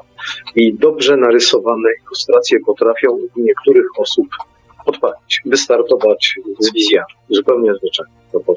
Dlatego zostało mi to i lubię ilustrowane książki. Może sam miałem taką atroficzną wyobraźnię, jak powstawał z po prostu. Natomiast Marta Blachura dobrze narysowała tę książkę. No wiesz, jeżeli mam odkrywać tajniki, to mm, nie będę mówił, że ma być lewe światło i tak dalej, ale są dwie rzeczy, które powinny być. To znaczy, w zestawie ilustracji powinna być jedna goła woda i powinien być jeden piękny profil kobiecy. Blachura nie narysowała profilu kobiecego, jest goła woda, ale to wystarczyło, dlatego że te inne rysunki były bardzo fajne, bardzo dobre. To wygląda dynamicznie, żywo i dobrze. To ja się jeszcze pochwalę e, na jest naszej Gorzej rozmowy. opowiadania z ilustrowania, a wtedy gorsze. Niektóre są chybione ilustracje. Ale się jednak pochwalę, bo po audycji, którą mieliśmy o, książ o książce naszego gościa, e, dostaliśmy trzy maile, w których ludzie, e, ludzie mówili nam, że nie lubią grubych książek, ale po naszej audycji, jak już tak naopowiadaliśmy, naopowiadaliśmy, to potem książkę sięgną. Jakiś dobry, jak, jakąś, jakąś dobrą energię przekazaliśmy. No Mamy nadzieję. sprzedał się. Nie wiem, my nie sprzedajemy. My tylko polecamy. Znaczy, no, to już jest dawno sprzedany, chociaż chyba Wojtek ma jeszcze. Chyba ma. Tak, tak. Jeśli ktoś jest zainteresowany, to do, do Wojtka, do Wojtka Serenki, A do jeśli. Wojtek nie ma, to dodrukuje przecież. A to nie, nie, nie, tak się nie uda, bo to wydawało wydawni, wydawnictwo literackie, także to Wojtek tak daleko, tak daleko, tak No daleko, musiałby sam to. tak daleko ręce, dłonie Wojtka nie sięgają. Ja muszę zacząć negocjować. No właśnie. Jeżeli wrócę. Właśnie. Dziękujemy bardzo za wizytę. No, dziękuję. Chyba, że, chyba, że jeszcze autor nasz szanowny chciałby coś do ludu, do, do, naszych, do naszych szanownych czy- słuchaczy, coś, coś powiedzieć, jakąś, refleksję, która, która da się usłyszeć, kogoś nie robi, tak, żeby nie, nie robimy, Szkoda. szczególnie dzisiaj w tym zaimprowizowanym studiu. Normalnie tak, ale dzisiaj e, ten sprzęt e, jest tak Dobra. troszeczkę połączony. To wiesz co, nie będę wygłaszał jakiejś takiej przemowy. Jeżeli zadacie mi, chodzi jakieś jedno chociaż pytanie, to można ten czas tak wykorzystać. Okej, To jest wartościowe. okej, Po prostu wiem z doświadczenia. Lepiej po prostu interaktywnie. dobrze, to ja w takim razie e, mam pytanie, mam pytanie warsztatowe. Nawiążę do tej części, do tej części drugiej naszej audycji, czyli do AWP. Co jest pisarzowi potrzebne do pisania? Bo tu też mamy szereg mitów, które, które się pojawiają, których, których nam na, nasi, nasi słuchacze nas atakują różnymi dziwnymi teoriami. Ja bym chciał, żeby To jest potrzebne pisarzu. prawdziwy pisarz powiedział, co jest potrzebne autorowi do pisania. Więc przez długi czas mojej kariery wystarczała kartka papieru biała. Zaczynałem od lewej, lewego górnego końca. Teraz piszę z reguły na klawiaturze, a to się bierze z tego, że ja się nauczyłem pisać dziesięcioma palcami. I po prostu nie piszę z szybkością światła dwoma palcami, tylko piszę z szybkością swojej myśli. Nie muszę spowalniać myśli, jak piszę. Po prostu patrzę na ekran, na tekst, który powstaje i nie patrzę na klawiaturę. To jest bardzo wygodne i bardzo przyspieszyło mój sposób e, przekazywania. No właśnie, Zawsze bardzo prosta techniczna Bardzo prosta techniczna Tak. uwaga, proszę. No, to może jeszcze jedno zdanie, to znaczy w Stanach i Kanadzie mają semestr e, na uczelni zajęć z pisania dziesięcioma palcami. Cała populacja tak kształcona tak pisze. Zawsze wyróżniają, zauważają informatyków z Europy Wschodniej, że walą z prędkością światła dwoma palcami w klawiaturze. Widać ponad to 100 palców. Tak traci. I to w idiotyczny sposób. Dlatego, że są programy, które pozwalają, tak jak ja tam nauczyłem, nauczyć się pisać dziesięcioma palcami. Teraz w ogóle pisanie wychodzi przez te nowe różne e, aplikacje w tabletach czy jakieś takie różne rzeczy. Natomiast po prostu masz program, który ci wyświetla literki i uważ na pamięć, jak są klawisze. Po prostu. W trzech rzędach jeszcze wskazujące palce obsługują dodatkowe. Jak to wpujesz, masz już jak masełko. Co masz uwolnioną myśl, masz uwolnioną. Ależ oczywiście. Super, to właśnie o to. Tak. Proszę bardzo. Jak prosta rzecz czasami jest potrzebna do opanowania. No właśnie. Jaka trudna? A jaka Roboty paskudnej. Ja jeszcze jestem z tych czasów, kiedy się uczyłem dziesięcioma palcami pisać na maszynie. No, to podziwiam. Ale to masz rozwalone stawy. No to nie, na szczęście maszynie. za długo to nie trwało. Jeszcze nie zdążyłem sobie ich rozwalić. Przeszedłem na klawiaturę, na kla- klawiaturę komputerową. Trochę się znaki tam zmieniły, niektóre. No Z zmienione Tak, jest tak, Y. Oczywiście z niemieckiej przeszedłeś na angielską. Tak. Tak. I, I to, to jest, ale w sumie dosyć szybko, dosyć, dosyć szybko się dostosowałem. Super, że nie zniszczyłeś zestawu. Cóż, dziękujemy bardzo za wizytę. No ja bardzo dziękuję. Naprawdę, naprawdę było nam miło gościć. Szczególnie po, ile nie wiem, dwa tygodnie minęły chyba od, od audycji, którą, którą prowadziliśmy na Tak, ale tu wtedy żeśmy odkryli książkę, w tej chwili dopiero odkryliśmy autora i Co zobaczyliśmy. za rozczarowanie. E, nie, nie, e, nawet po takich reakcjach, widzisz, ty masz bardzo młody umysł, więc ja jako starszy człowiek mam do siebie właściwie żądanie takie, jakie, jakie by orbitowski Łukasz wygłosił. Pisz, Hubert, pisz, bo to jest twój obowiązek. Pogadaj z moimi doktorantami. To jest pięć To jest których kariery życiowe zawieszają. No, dziękuję bardzo. Jeszcze raz My dziękuję. też. Dziękuję Państwu, że wytrwaliście do końca audycji. Audycja nie do końca się kończy, jak tak, tak to ujmijmy. Zapraszamy jeszcze, zapraszamy jeszcze jednego gościa. Dziękuję. dziękujemy, e, dziękujemy dotychczasowym gościom i zapraszamy kolejnego gościa. Gość u nas już bywały, bo gościmy dzisiaj Tadeusza Meszko. Witam gorąco. Tak. Gość, e, który pojawił się w bibliotekarium, no, ile to miesięcy? Marzec, marzec. Nie, wiecie, wiecie. Nie, ja nie liczę Nie, czasem. a, to, to widać, że ja też nie liczę czasu, bo to był początek maja. Aha, no. No tak. Niemniej jednak, czy coś się zmieniło od tamtego czasu w, twoi, w, twoi, e, w twoich pisarskich planach, w twoich, w twoich, nie wiem, zapatrywaniach i tak dalej? Planach nic. W zapatrywaniu nic. W rzeczywistości no, tyle się zmieniło, że książka została wydana i jest dostępna. Jest dostępna. E, i, I nie wiem, jak się sprzedaje, ale mam nadzieję, że dobrze się sprzedaje. Też mamy taką nadzieję. Też mamy taką nadzieję. E, przypomnę, ta książka to Śmieciowi Ludzie. Mm, Wydawcą jest e, również nas, nasz wydawca, czyli bibliotekarium. Ale e, powiem tak, chciałbym, chciałbym żeby, żebyś, żebyś e, powiedział, my dzisiaj przepytujemy autorów nie tyle o ich książki, co o różne takie warsztatowe, warsztatowe e, problemy, takie związane z pisaniem. I ja wiem, że te problemy, te problemy czy te rady, które, których nam dzisiaj udzielają e, różni autorzy, to nie są rady uniwersalne. I my to zawsze podkreślamy z Wiktorem, że nie ma rad uniwersalnych w tym fachu. Jednemu pasuje to, drugiemu pasuje tamto.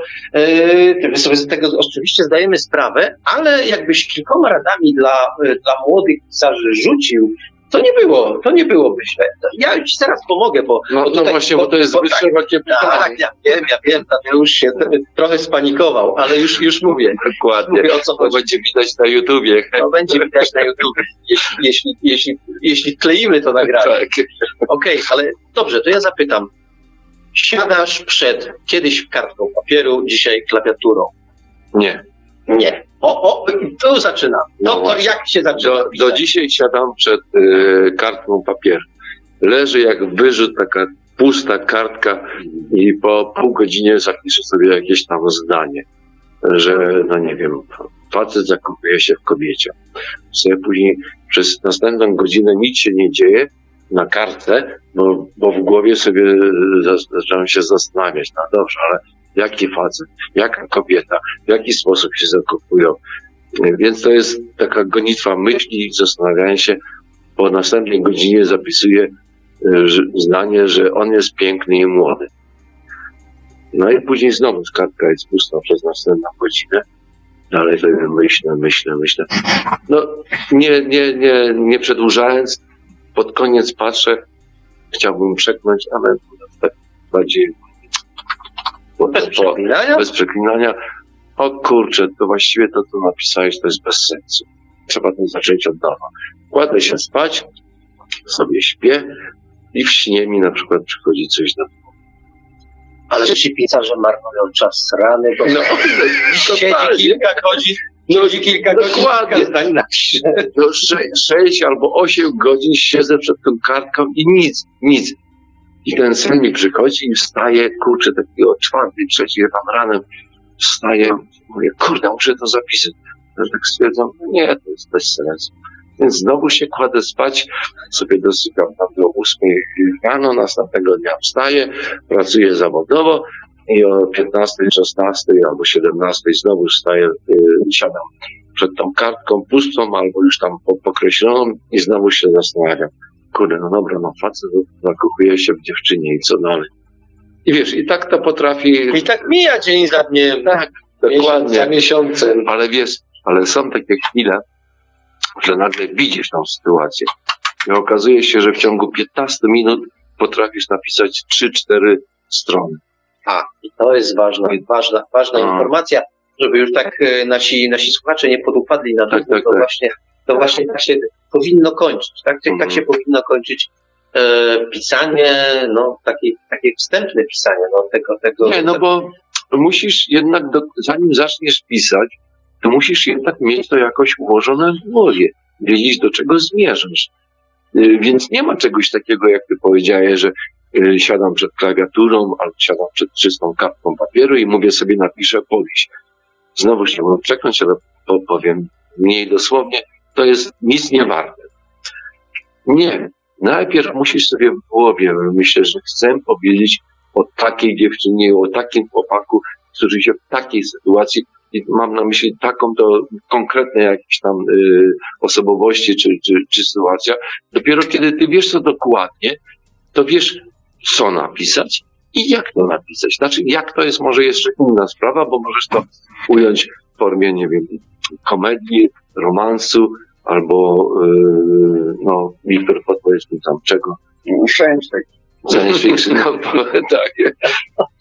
Więc y, oprócz tego, że y, chcę to powiedzieć, to musisz wybrać jeszcze formułę, w jakiej chcesz to powiedzieć, którą uznasz, uznajesz za najbardziej trafną, żeby przekazać te twoje myśli. To będzie dobry punkt wyjścia, żeby pokazać pewne, jakie, jak mogą daleko sięgać różnice. Powiedzieliśmy na początku, że nie każda recepta jest dobra dla każdego. Z tego co pamiętam, to Wiktor postępuje bardzo podobnie. Też najpierw kidłasi wszystko w swojej głowie, i w pewnym momencie, jak już tam jest ta masa krytyczna przekroczona, to dopiero cokolwiek zaczyna popisywać. Nie. Czy się mylę? To znaczy może i tak, może nie, ale wiesz, to co, to, co tutaj y, Tadeusz mówi, to bardzo mi przypomina moją teorię taką główną powstawania e, w ogóle jakichkolwiek dzieł. Otóż dzie- dzieła powstają przez y, przemyślenie oraz przez olśnienie. Przemyślenie można w jakiś sposób y, ym, opisać po prostu. Można to udokumentować, że myślałem, połączyłem to z tym, to z tym i tak dalej, no i wyszła mi pewna konstrukcja. Natomiast olśnienia drugim naprawdę nie można w żaden sposób opisać. Po prostu. Co to jest? Spadło z nieba, e, stanąłem nagle przed drzewem, zobaczyłem wróbla i już wszystko wiem o mojej powieści, nie? Marek, yy, przepraszam, yy, Wiktor, ja, ja mogę ci powiedzieć po części, czym jest olśnienie.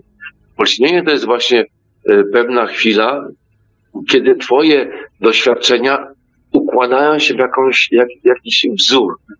I to jest, może się wydarzyć w czasie snu, albo w czasie jakichś tam nudów, Tak. złości i tak dalej. Ale warto Ale- powiedzieć, że to olśnienie to jest jakby y, utwór w pigułce. Znaczy w pewnym w tym momencie olśnienia nagle dostajesz zręby tego swojego przyszłego dzieła. Czy on obojętnie to ono będzie miało 400 stron, Mm. czy 10 stron. Nagle o nim wiesz bardzo dużo. Nie Tak, mówię jest- wszystko. Ja to nazywam, wszystko. jest taka scena kluczowa, która, wo- wo- wokół której później zaczynasz budować yy, Tak, na, narrację całej książki. Ale powiedziałem o różnicach, to chciałbym też powiedzieć, że ja na przykład, na- w końcu przykład mi najbliższy, nie potrafię tak jak tutaj obecni dwaj panowie, czyli na przykład Wiktor, czyli na przykład Tadeusz, y, przekidłasić sobie tylko w głowie. Y, W głowie to mi się takie krótkie rzeczy, y, rzeczy, rzeczy jakieś drobne pojawiają, techniczne. Natomiast Przecież to nie jest tak. Przecież my też nie nosimy tego w głowie, nie tylko yy, Marek, no ale to jest tak samo. Ale ja muszę jest tak usiąść samo. przed kartką i ja Wiesz, zapisuję ale- swoje myśli.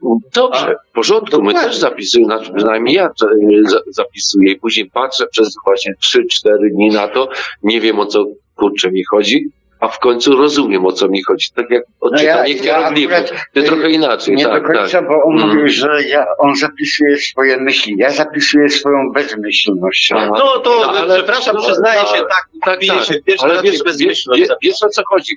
W pewnym momencie, nawet czy to jest są myśli, czy to jest bezmyśl, myślenie, nagle stwierdzasz, że widzisz, o kurczę, to właśnie o to mi chodziło, to jest to. To jest to, tylko że jak ktoś by wziął do ręki tę kartkę, w której ja zapisuję swoje bezmyślenie nie albo myślenie, no to by uciekł. Uciekł albo przynajmniej e, skierował mnie do jakiegoś zakładu zamkniętego, bo tam się pojawiają rzeczy tak sprzeczne, przedziwne i głupawe, że się Dla, czasami dlaczego ja powiedziałam o tym, że, na, że piszę na kartce, że facet zakochał się w dziewczynie?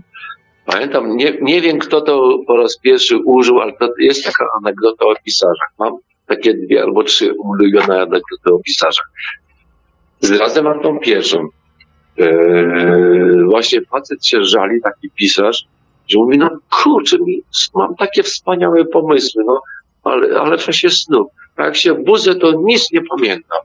No i psychiatra mu mówi, to niech pan weźmie kartkę papieru i tam ołówek czy długo, długopis i się przebudzi tego snu i zapisze to. On mówi, no dobra, spróbuję. No i facet, ten pisarz y, potencjalny znowu przeżywa sen. kurde, ale wspaniała historia. I znowu nie zapamiętam, ale sobie przypominam, aha, ale przecież mam kartkę i długopis, zapiszę. Zapisał i narysował, budzi się rano, ojejku, miałem taki wspaniały sen, ale przecież miałem kartkę i długopis zapisałem. I patrzę na tą kartkę, a tam jest zapisane, chłopak zakochuje się w dziewczynie. O, tak, bo to jest właśnie to, y, o czym kiedyś dyskutowałem y, na jednym ze spotkań, nazwijmy go autorskich, E, kiedy próbowali mi młodzi ludzie powiedzieć, że na przykład należałoby pisać w stanie upojenia y, alkoholowego albo pod wpływem jakich, jakichś narkotyków. I ja troszeczkę bezradnie y, próbowałem wytłumaczyć, że narkotyków nigdy nie próbowałem, natomiast w stanie nawet lekkiego rauszu pisze się źle. A w stanie większego rauszu pisze się po prostu Fatalnie. beznadziejnie. Bo to, co nam się wydaje takie wspaniałe, takie nośne, takie kurcze, tak świetnie sformułowane, jak się czyta następnego dnia, to w zależności od tego, co ma kto słabe, to go przynajmniej zęby bolą. Przynajmniej zęby, jak, ale są, są, mogą też inne partie ciała również zaboleć, bo to niestety nie jest tak, że jeśli coś nam się wydaje w tej chwili euforii takie wspaniałe, takie cudowne, ono tak, tak, takie samo będzie po tym, kiedy już wrócimy do stanu zwykłej świadomości. Na ogół się to nie potwierdza po prostu. Ja jak was tutaj słuchałem, przez, na chwilę się oderwałem, że tak powiem, zaświaty i Ja tylko zdradzę, że ale przy okazji pomiętoliłem papierosa, bo już ten czas nadchodzi. E, ale wyrwałem się e, w zaświaty i wyobraziłem sobie sytuację, że jaką tak jednak racjonalnie czytelnikowi jakiemukolwiek albo potencjalnemu pisarzowi wy, wytłumaczyć proces powstawania powieści w najprostszy sposób i chyba wymyśliłem. Otóż Tak? e, należy, po pierwsze, jeżeli się chce coś pisać, to mieć e, świadomość tego, czym się dysponuje po prostu, nie? czym się rozporządza. I w zamyśle na przykład, ja to sobie wyobrażam w ten sposób. Mam dwa atomy wodoru jeden atom tlenu, nie? Jak je połączyć, nie? No to zbliżam je ku sobie. robisz z tego magię albo fizykę. Poczekaj. Spoko, spoko. Do, do tego dopiero dojdzie literatura. Łączę je, łączę je, no i w końcu po wielkich trudach konstru- konstrukcyjnych mam yy, molekułę wody, prawda? Co dalej? A dalej zaczyna się wszystko dopiero. Kołysanie rzek, szelest fal, krople bo- bo stykające szedłeś- po deszczu, szron zakwitający na oknach, ale wszystko się musi tej cząsteczki wody. cząsteczki wody po prostu. Bez pełnej świadomości konstrukcji tego na po, początku, na przykład science fiction jest niemożliwa w ogóle. No to za- zadam Ci tak zwane pytanie trudne. Jakbyś miał to przetłumaczyć na praktykę, to jak to powinno wyglądać? Bo poetycko zabrzmiało świetnie. Nie, Na na, na, to jest proste. Najpierw jest pomysł, Tak. albo jakaś zadra, która Tak. cię tak dręczy, że, że musisz coś o tym powiedzieć, a, a później układasz do tego Tylko ja ci te, te strumyki, ten szum wody i tak dalej. co posiadasz. Posiadasz wiedzę o dziewczynie, i pięknej, e, pięknej dziewczynie i pięknym chłopcu, to ją wykorzystaj, ale najpierw sobie uświadom, kim jest ten chłopiec, jakie walory ma ta dziewczyna w przeciwieństwie do wszystkich innych na świecie po prostu, no i dalej coś z tym zrób, jak to będzie szumiało I ze Jeżeli to sobą. ma być powieść, to jaki jest konflikt między nimi? Tak, bo tak, oni muszą tak, jednak tak. y, różnić No. się czymś. Na miejscu wszystkich, e, wszystkich naszych korespondentów z ABW, ja bym uważnie słuchał tego odcinka audycji e, i tego, i te, tego i takiej audycji, bo ja myślę, że tu wbrew pozorom, w lekkiej formie padło kilka, kilka bardzo ważnych uwag. No, lub wszystkich, którzy chcą pisać, jak sobie to dobrze przemyślą e, i przetransponują na swoje, na swój użytek, bo to też nie jest tak, że gotowe recepty da się Marek, zastosować ja, jeden ja, do jeden. ja słucham, chociaż jestem autorem już tam do kilkudziesięciu lat, słucham waszej audycji ABW i, i jak was słucham, to sobie stwierdzam czasami, o kurde, rzeczywiście mówicie prawdę. Ale y, chciałem teraz powiedzieć coś innego. Nie ma problemu. My z Wiktorem możemy porozmawiać i właśnie zdradzić jeszcze o wiele więcej takich tajników, e, właśnie że, za, praktyka- zawodowych. Ja się, tego, ja się tego nie boję, że powiem jak, jak to robię No. i tak dalej. Wiktor też się przecież tego nie boi. E, No to dobrze, to ja to już tak, ponieważ pora późna, no to sobie przynajmniej jedno takie pytanie jeszcze, jeszcze zadajmy natury, natury technicznej, pisarskiej. Kiedy wiecie, że skończyliście? To wbrew pozorom się wydaje takie proste. Powiesz pierwszy? Postawisz, ja stawiamy, stawiamy ostatnią kropkę i jest gotowe dzieło. No tak, ale chyba nie do końca. To kiedy macie to głębokie przekonanie, że to już jest ten etap, że już napisaliście tyle, że można to dać, no jeśli nie szerokiemu czytelnikowi, no jak taki szeroki czytelnik, to nie, szerokiemu gronu czytelników, o, to, a kiedy powiedzmy nawet tym beta czytaczom, o których kiedyś mówiliśmy, a kiedy nie, jeszcze nie teraz. Teraz jeszcze nie jest gotowe, bo jeszcze tego, tego albo czegoś tam brakuje. Jest taki etap, czy to się zupełnie intuicyjnie wyczuwa? Ja, ja chyba mam taki etap, to znaczy po prostu jak ja już mam absolutnie dosyć tej książki, tego, tego tematu, y, to ten temat zwykle również ma dosyć mnie po prostu, nie? I te, te dwa, te nurty się zbiegają, nie? I zwykle się okazuje to właściwym momentem. Jeśli ja pociągnę dalej, to już jest nie, nie to. Jeśli zatrzymam się wcześniej, to też jest jeszcze nie. To musi się, no, e, tak żebym ja się wy, wyżygał do końca i ten temat właściwie e, również był No. zaspokojący. Wyżygał już y, nie chciał No. więcej żygać. Nie, tak, no. Tak. I wtedy Nie. mam pełny komfort po prostu, że jest Marek, to, to, to, to jest właśnie trudno określić, to jest bardziej takie intuicyjne, jak Wiktor mówi. Yy, powiem jedno. Z pewnością yy, nie jest to to, yy, że kiedy piszemy ostatnie zdanie w książce. Tak. Bo często się jednak się zaczyna od tego, że finał się pisze na początku. E, Ja tylko powiem, że tego rodzaju sytuacjom, czy tego rodzaju myślom, jak powiedziałeś przed chwilą, sprzyjają na przykład fantazje Kinga, bo to, na przykład w książce Kinga e, pewien autor e, kończy, y, kończy, stawia ostatnią kropkę, otwiera szampana, bo właśnie skończył książkę swoją i pije tego szampana, to taki, taki ma zwyczaj, że jak skończy książkę, pije szampana, bo postawił ostatnią kropkę. A Ja, panowie, ja piję metaksę. a, tak, tylko powiedzieliście, no tak, ale nie po postawieniu ostatniej kropki tam. No, no właśnie, zwróciłeś na to uwagę, że to nie jest ten moment, w którym się stawia ostatnią kropkę potencjalnie ostatnim zdaniu, bo to jest potencjalnie ostatnie zdanie. Kto wie, czy jeszcze jakiś tam nie przybędzie, tylko koniec jest jednak inny, w innym momencie. I to warto wziąć to pod uwagę, nie karmić się tymi fantazjami, że po prostu człowiek pisze, pisze, pisze, stawia kropkę i jest koniec. Jako postawienie kropki również bardzo często nie znaczy niczego.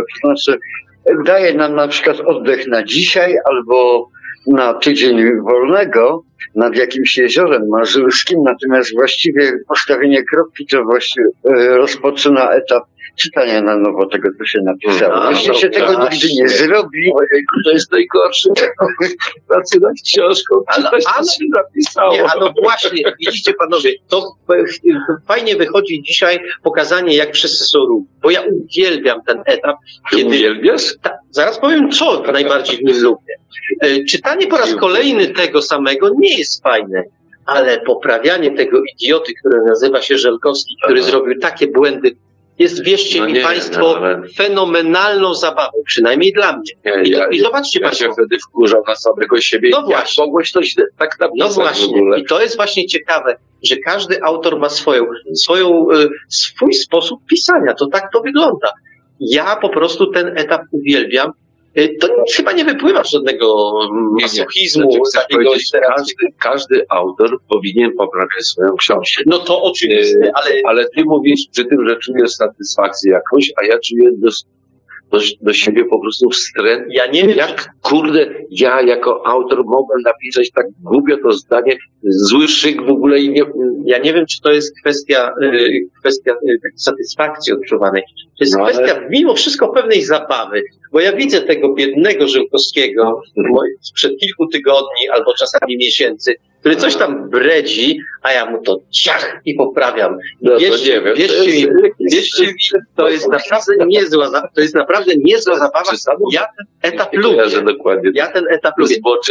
Ale to pokazuje, ale to pokazuje tylko, że nie ma prostej recepty na pisanie i tak nam się audycja bibliotekarii trochę w ABW przykształciła, Tak, tak. ale Ale ja się tu Marku wskoczę słowo. Otóż pewne stwierdzenie, które tutaj było, e, otóż e, stwierdzenie Marku, że każdy właściwie pisarz e, na swój strój, że tak powiem, czyli może to i tak dalej, e, w pewnym sensie załatwia problem i rozgrzesza wszystkich wszystkiego. Otóż no e, nie, mi się wydaje, No że tak dokładnie nie jest.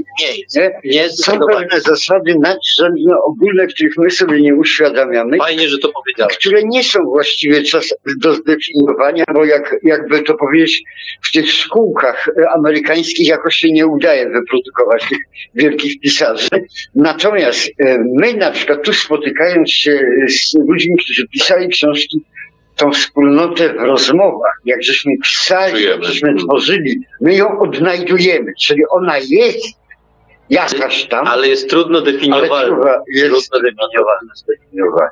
Szanowni Państwo, e, wszystko dobre, ale nawet to najlepsze kiedyś się kończy, no to właśnie chyba jest ten moment, kiedy, kiedy powinniśmy audycję skończyć. To nie była łatwa audycja. Dużo zawdzięczamy w tej audycji naszemu ostatniemu gościowi, bo gdyby nie jego, nie jego wysiłek, przeprowadzanie tutaj gości, Ale to to, była przyjemność. no to ja nie Ja wątpię, bym ci doprowadził jeszcze z 20 innych osób. to ja nie wątpię, że to była przyjemność, Ale ja wiem, że ba- bardziej te osóbki. ale jednak była to, ale jednak ale jednak była to praca do wykonania i, i za, to, za to dziękujemy Tadeuszowi, bo gdyby nie Ja on, to nie, niektórzy goście by po prostu tutaj nie dotarli. E, więc, więc chwała mu, chwała mu. Jaka tam chwała. Dziękuję. Y, Cieszę się, że mogliście po- porozmawiać z wieloma osobami i na następny konwent, konwent już tutaj 26. Festiwal Fantastyki. Także przyjedziecie. No słuchajcie, to jest jedna, jedyna y, taka prawie chyba w Polsce impreza, gdzie y, z pisarzami, czyli z nami, y, można porozmawiać. To nie jest tak, że przychodzicie do stoiska, a tam 500 osób czeka, żeby ktoś tam podpisał. Nie, to się spotykamy, to sobie gadamy. Do, Przy do, do, do, no, też. też. przy piwie to, to nie wiem, czy wolno tak mówić, no, ale, ale gadamy po prostu. Przy piwie. gadamy do białego rana, później wstajemy i znowu gadamy i to są takie wspaniałe 3-4 dni A w e, tym rozmów. czasie jest mnóstwo zorganizowanych imprez. Nie, no jest są, spotkania, e, to, to zaproszenia. się na, doskonale, że tak powiem, elastycznie Tak.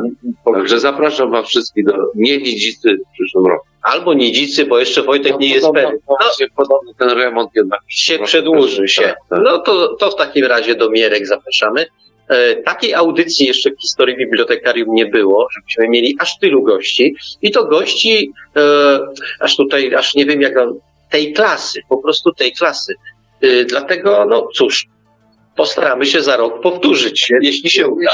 w archiwach e, jakiegoś YouTube'a czy co, Nie no, Radia Paranormalium. Radia Paranormalium, ta audycja będzie Kultowa. Oby. No to cóż, dziękujemy w takim razie za uwagę. Mamy nadzieję, że dostarczyliśmy Państwu dużo dobrej rozrywki. Tylko tytułem jeszcze, jeszcze takiego kronikarskiego, a właściwie wyprzedzającego, wyprzedzającego, wyprzedzającej informacji, powiem, że za dwa tygodnie będziemy również rozmawiać o fantastyce, fantastyce naukowej i o pewnej bibliotece. Niech to tak zabrzmi enigmatycznie, E, po raz kolejny, po raz kolejny za dużo, za dużo nie powiem, bo to taka drobna niespodzianka kolejna, E, ale e, myślę, że wszyscy ci, którzy lubią fantastykę naukową, warto, żeby po tę audycję sięgnęli, czy to na żywo, czy to później, później odsłucha, po prostu ją odsłuchali, bo o tej fantastyce sporo sobie porozmawiamy z ludźmi jak najbardziej kompetentnymi będziemy mieli gości. Nie tylu, aż, y, nie tylu co dzisiaj, ale za to dwóch całkiem, całkiem, całkiem znacznych i całkiem, całkiem zorientowanych gości, bo to chyba też, jest, chyba też jest ważne. Cóż, dziękujemy Państwu bardzo. Polecamy się za tydzień. Oczywiście, oczywiście kolejne ABW. Zapraszamy. Kolejne opowiadania, kolejne nasze zrzędzenie na temat tych opowiadań i nie tylko. Ja się wtrącę. Dobranoc i żałujcie, że nie jesteście z nami tak jest. Dobranoc, dobranoc. Dobranoc. A mówili te słowa do Państwa gospodarze, bibliotekarium Marek Żelkowski i Wiktor Żwikiewicz oraz bardzo liczni dzisiaj goście. Audycję od strony technicznej jak zawsze obsługiwał Marek Sękiewelios, Radio Paranormalium, Paranormalny Głos w Twoim Domu. Dobranoc i do usłyszenia ponownie, tym razem staśmy, bo w ABW już za tydzień.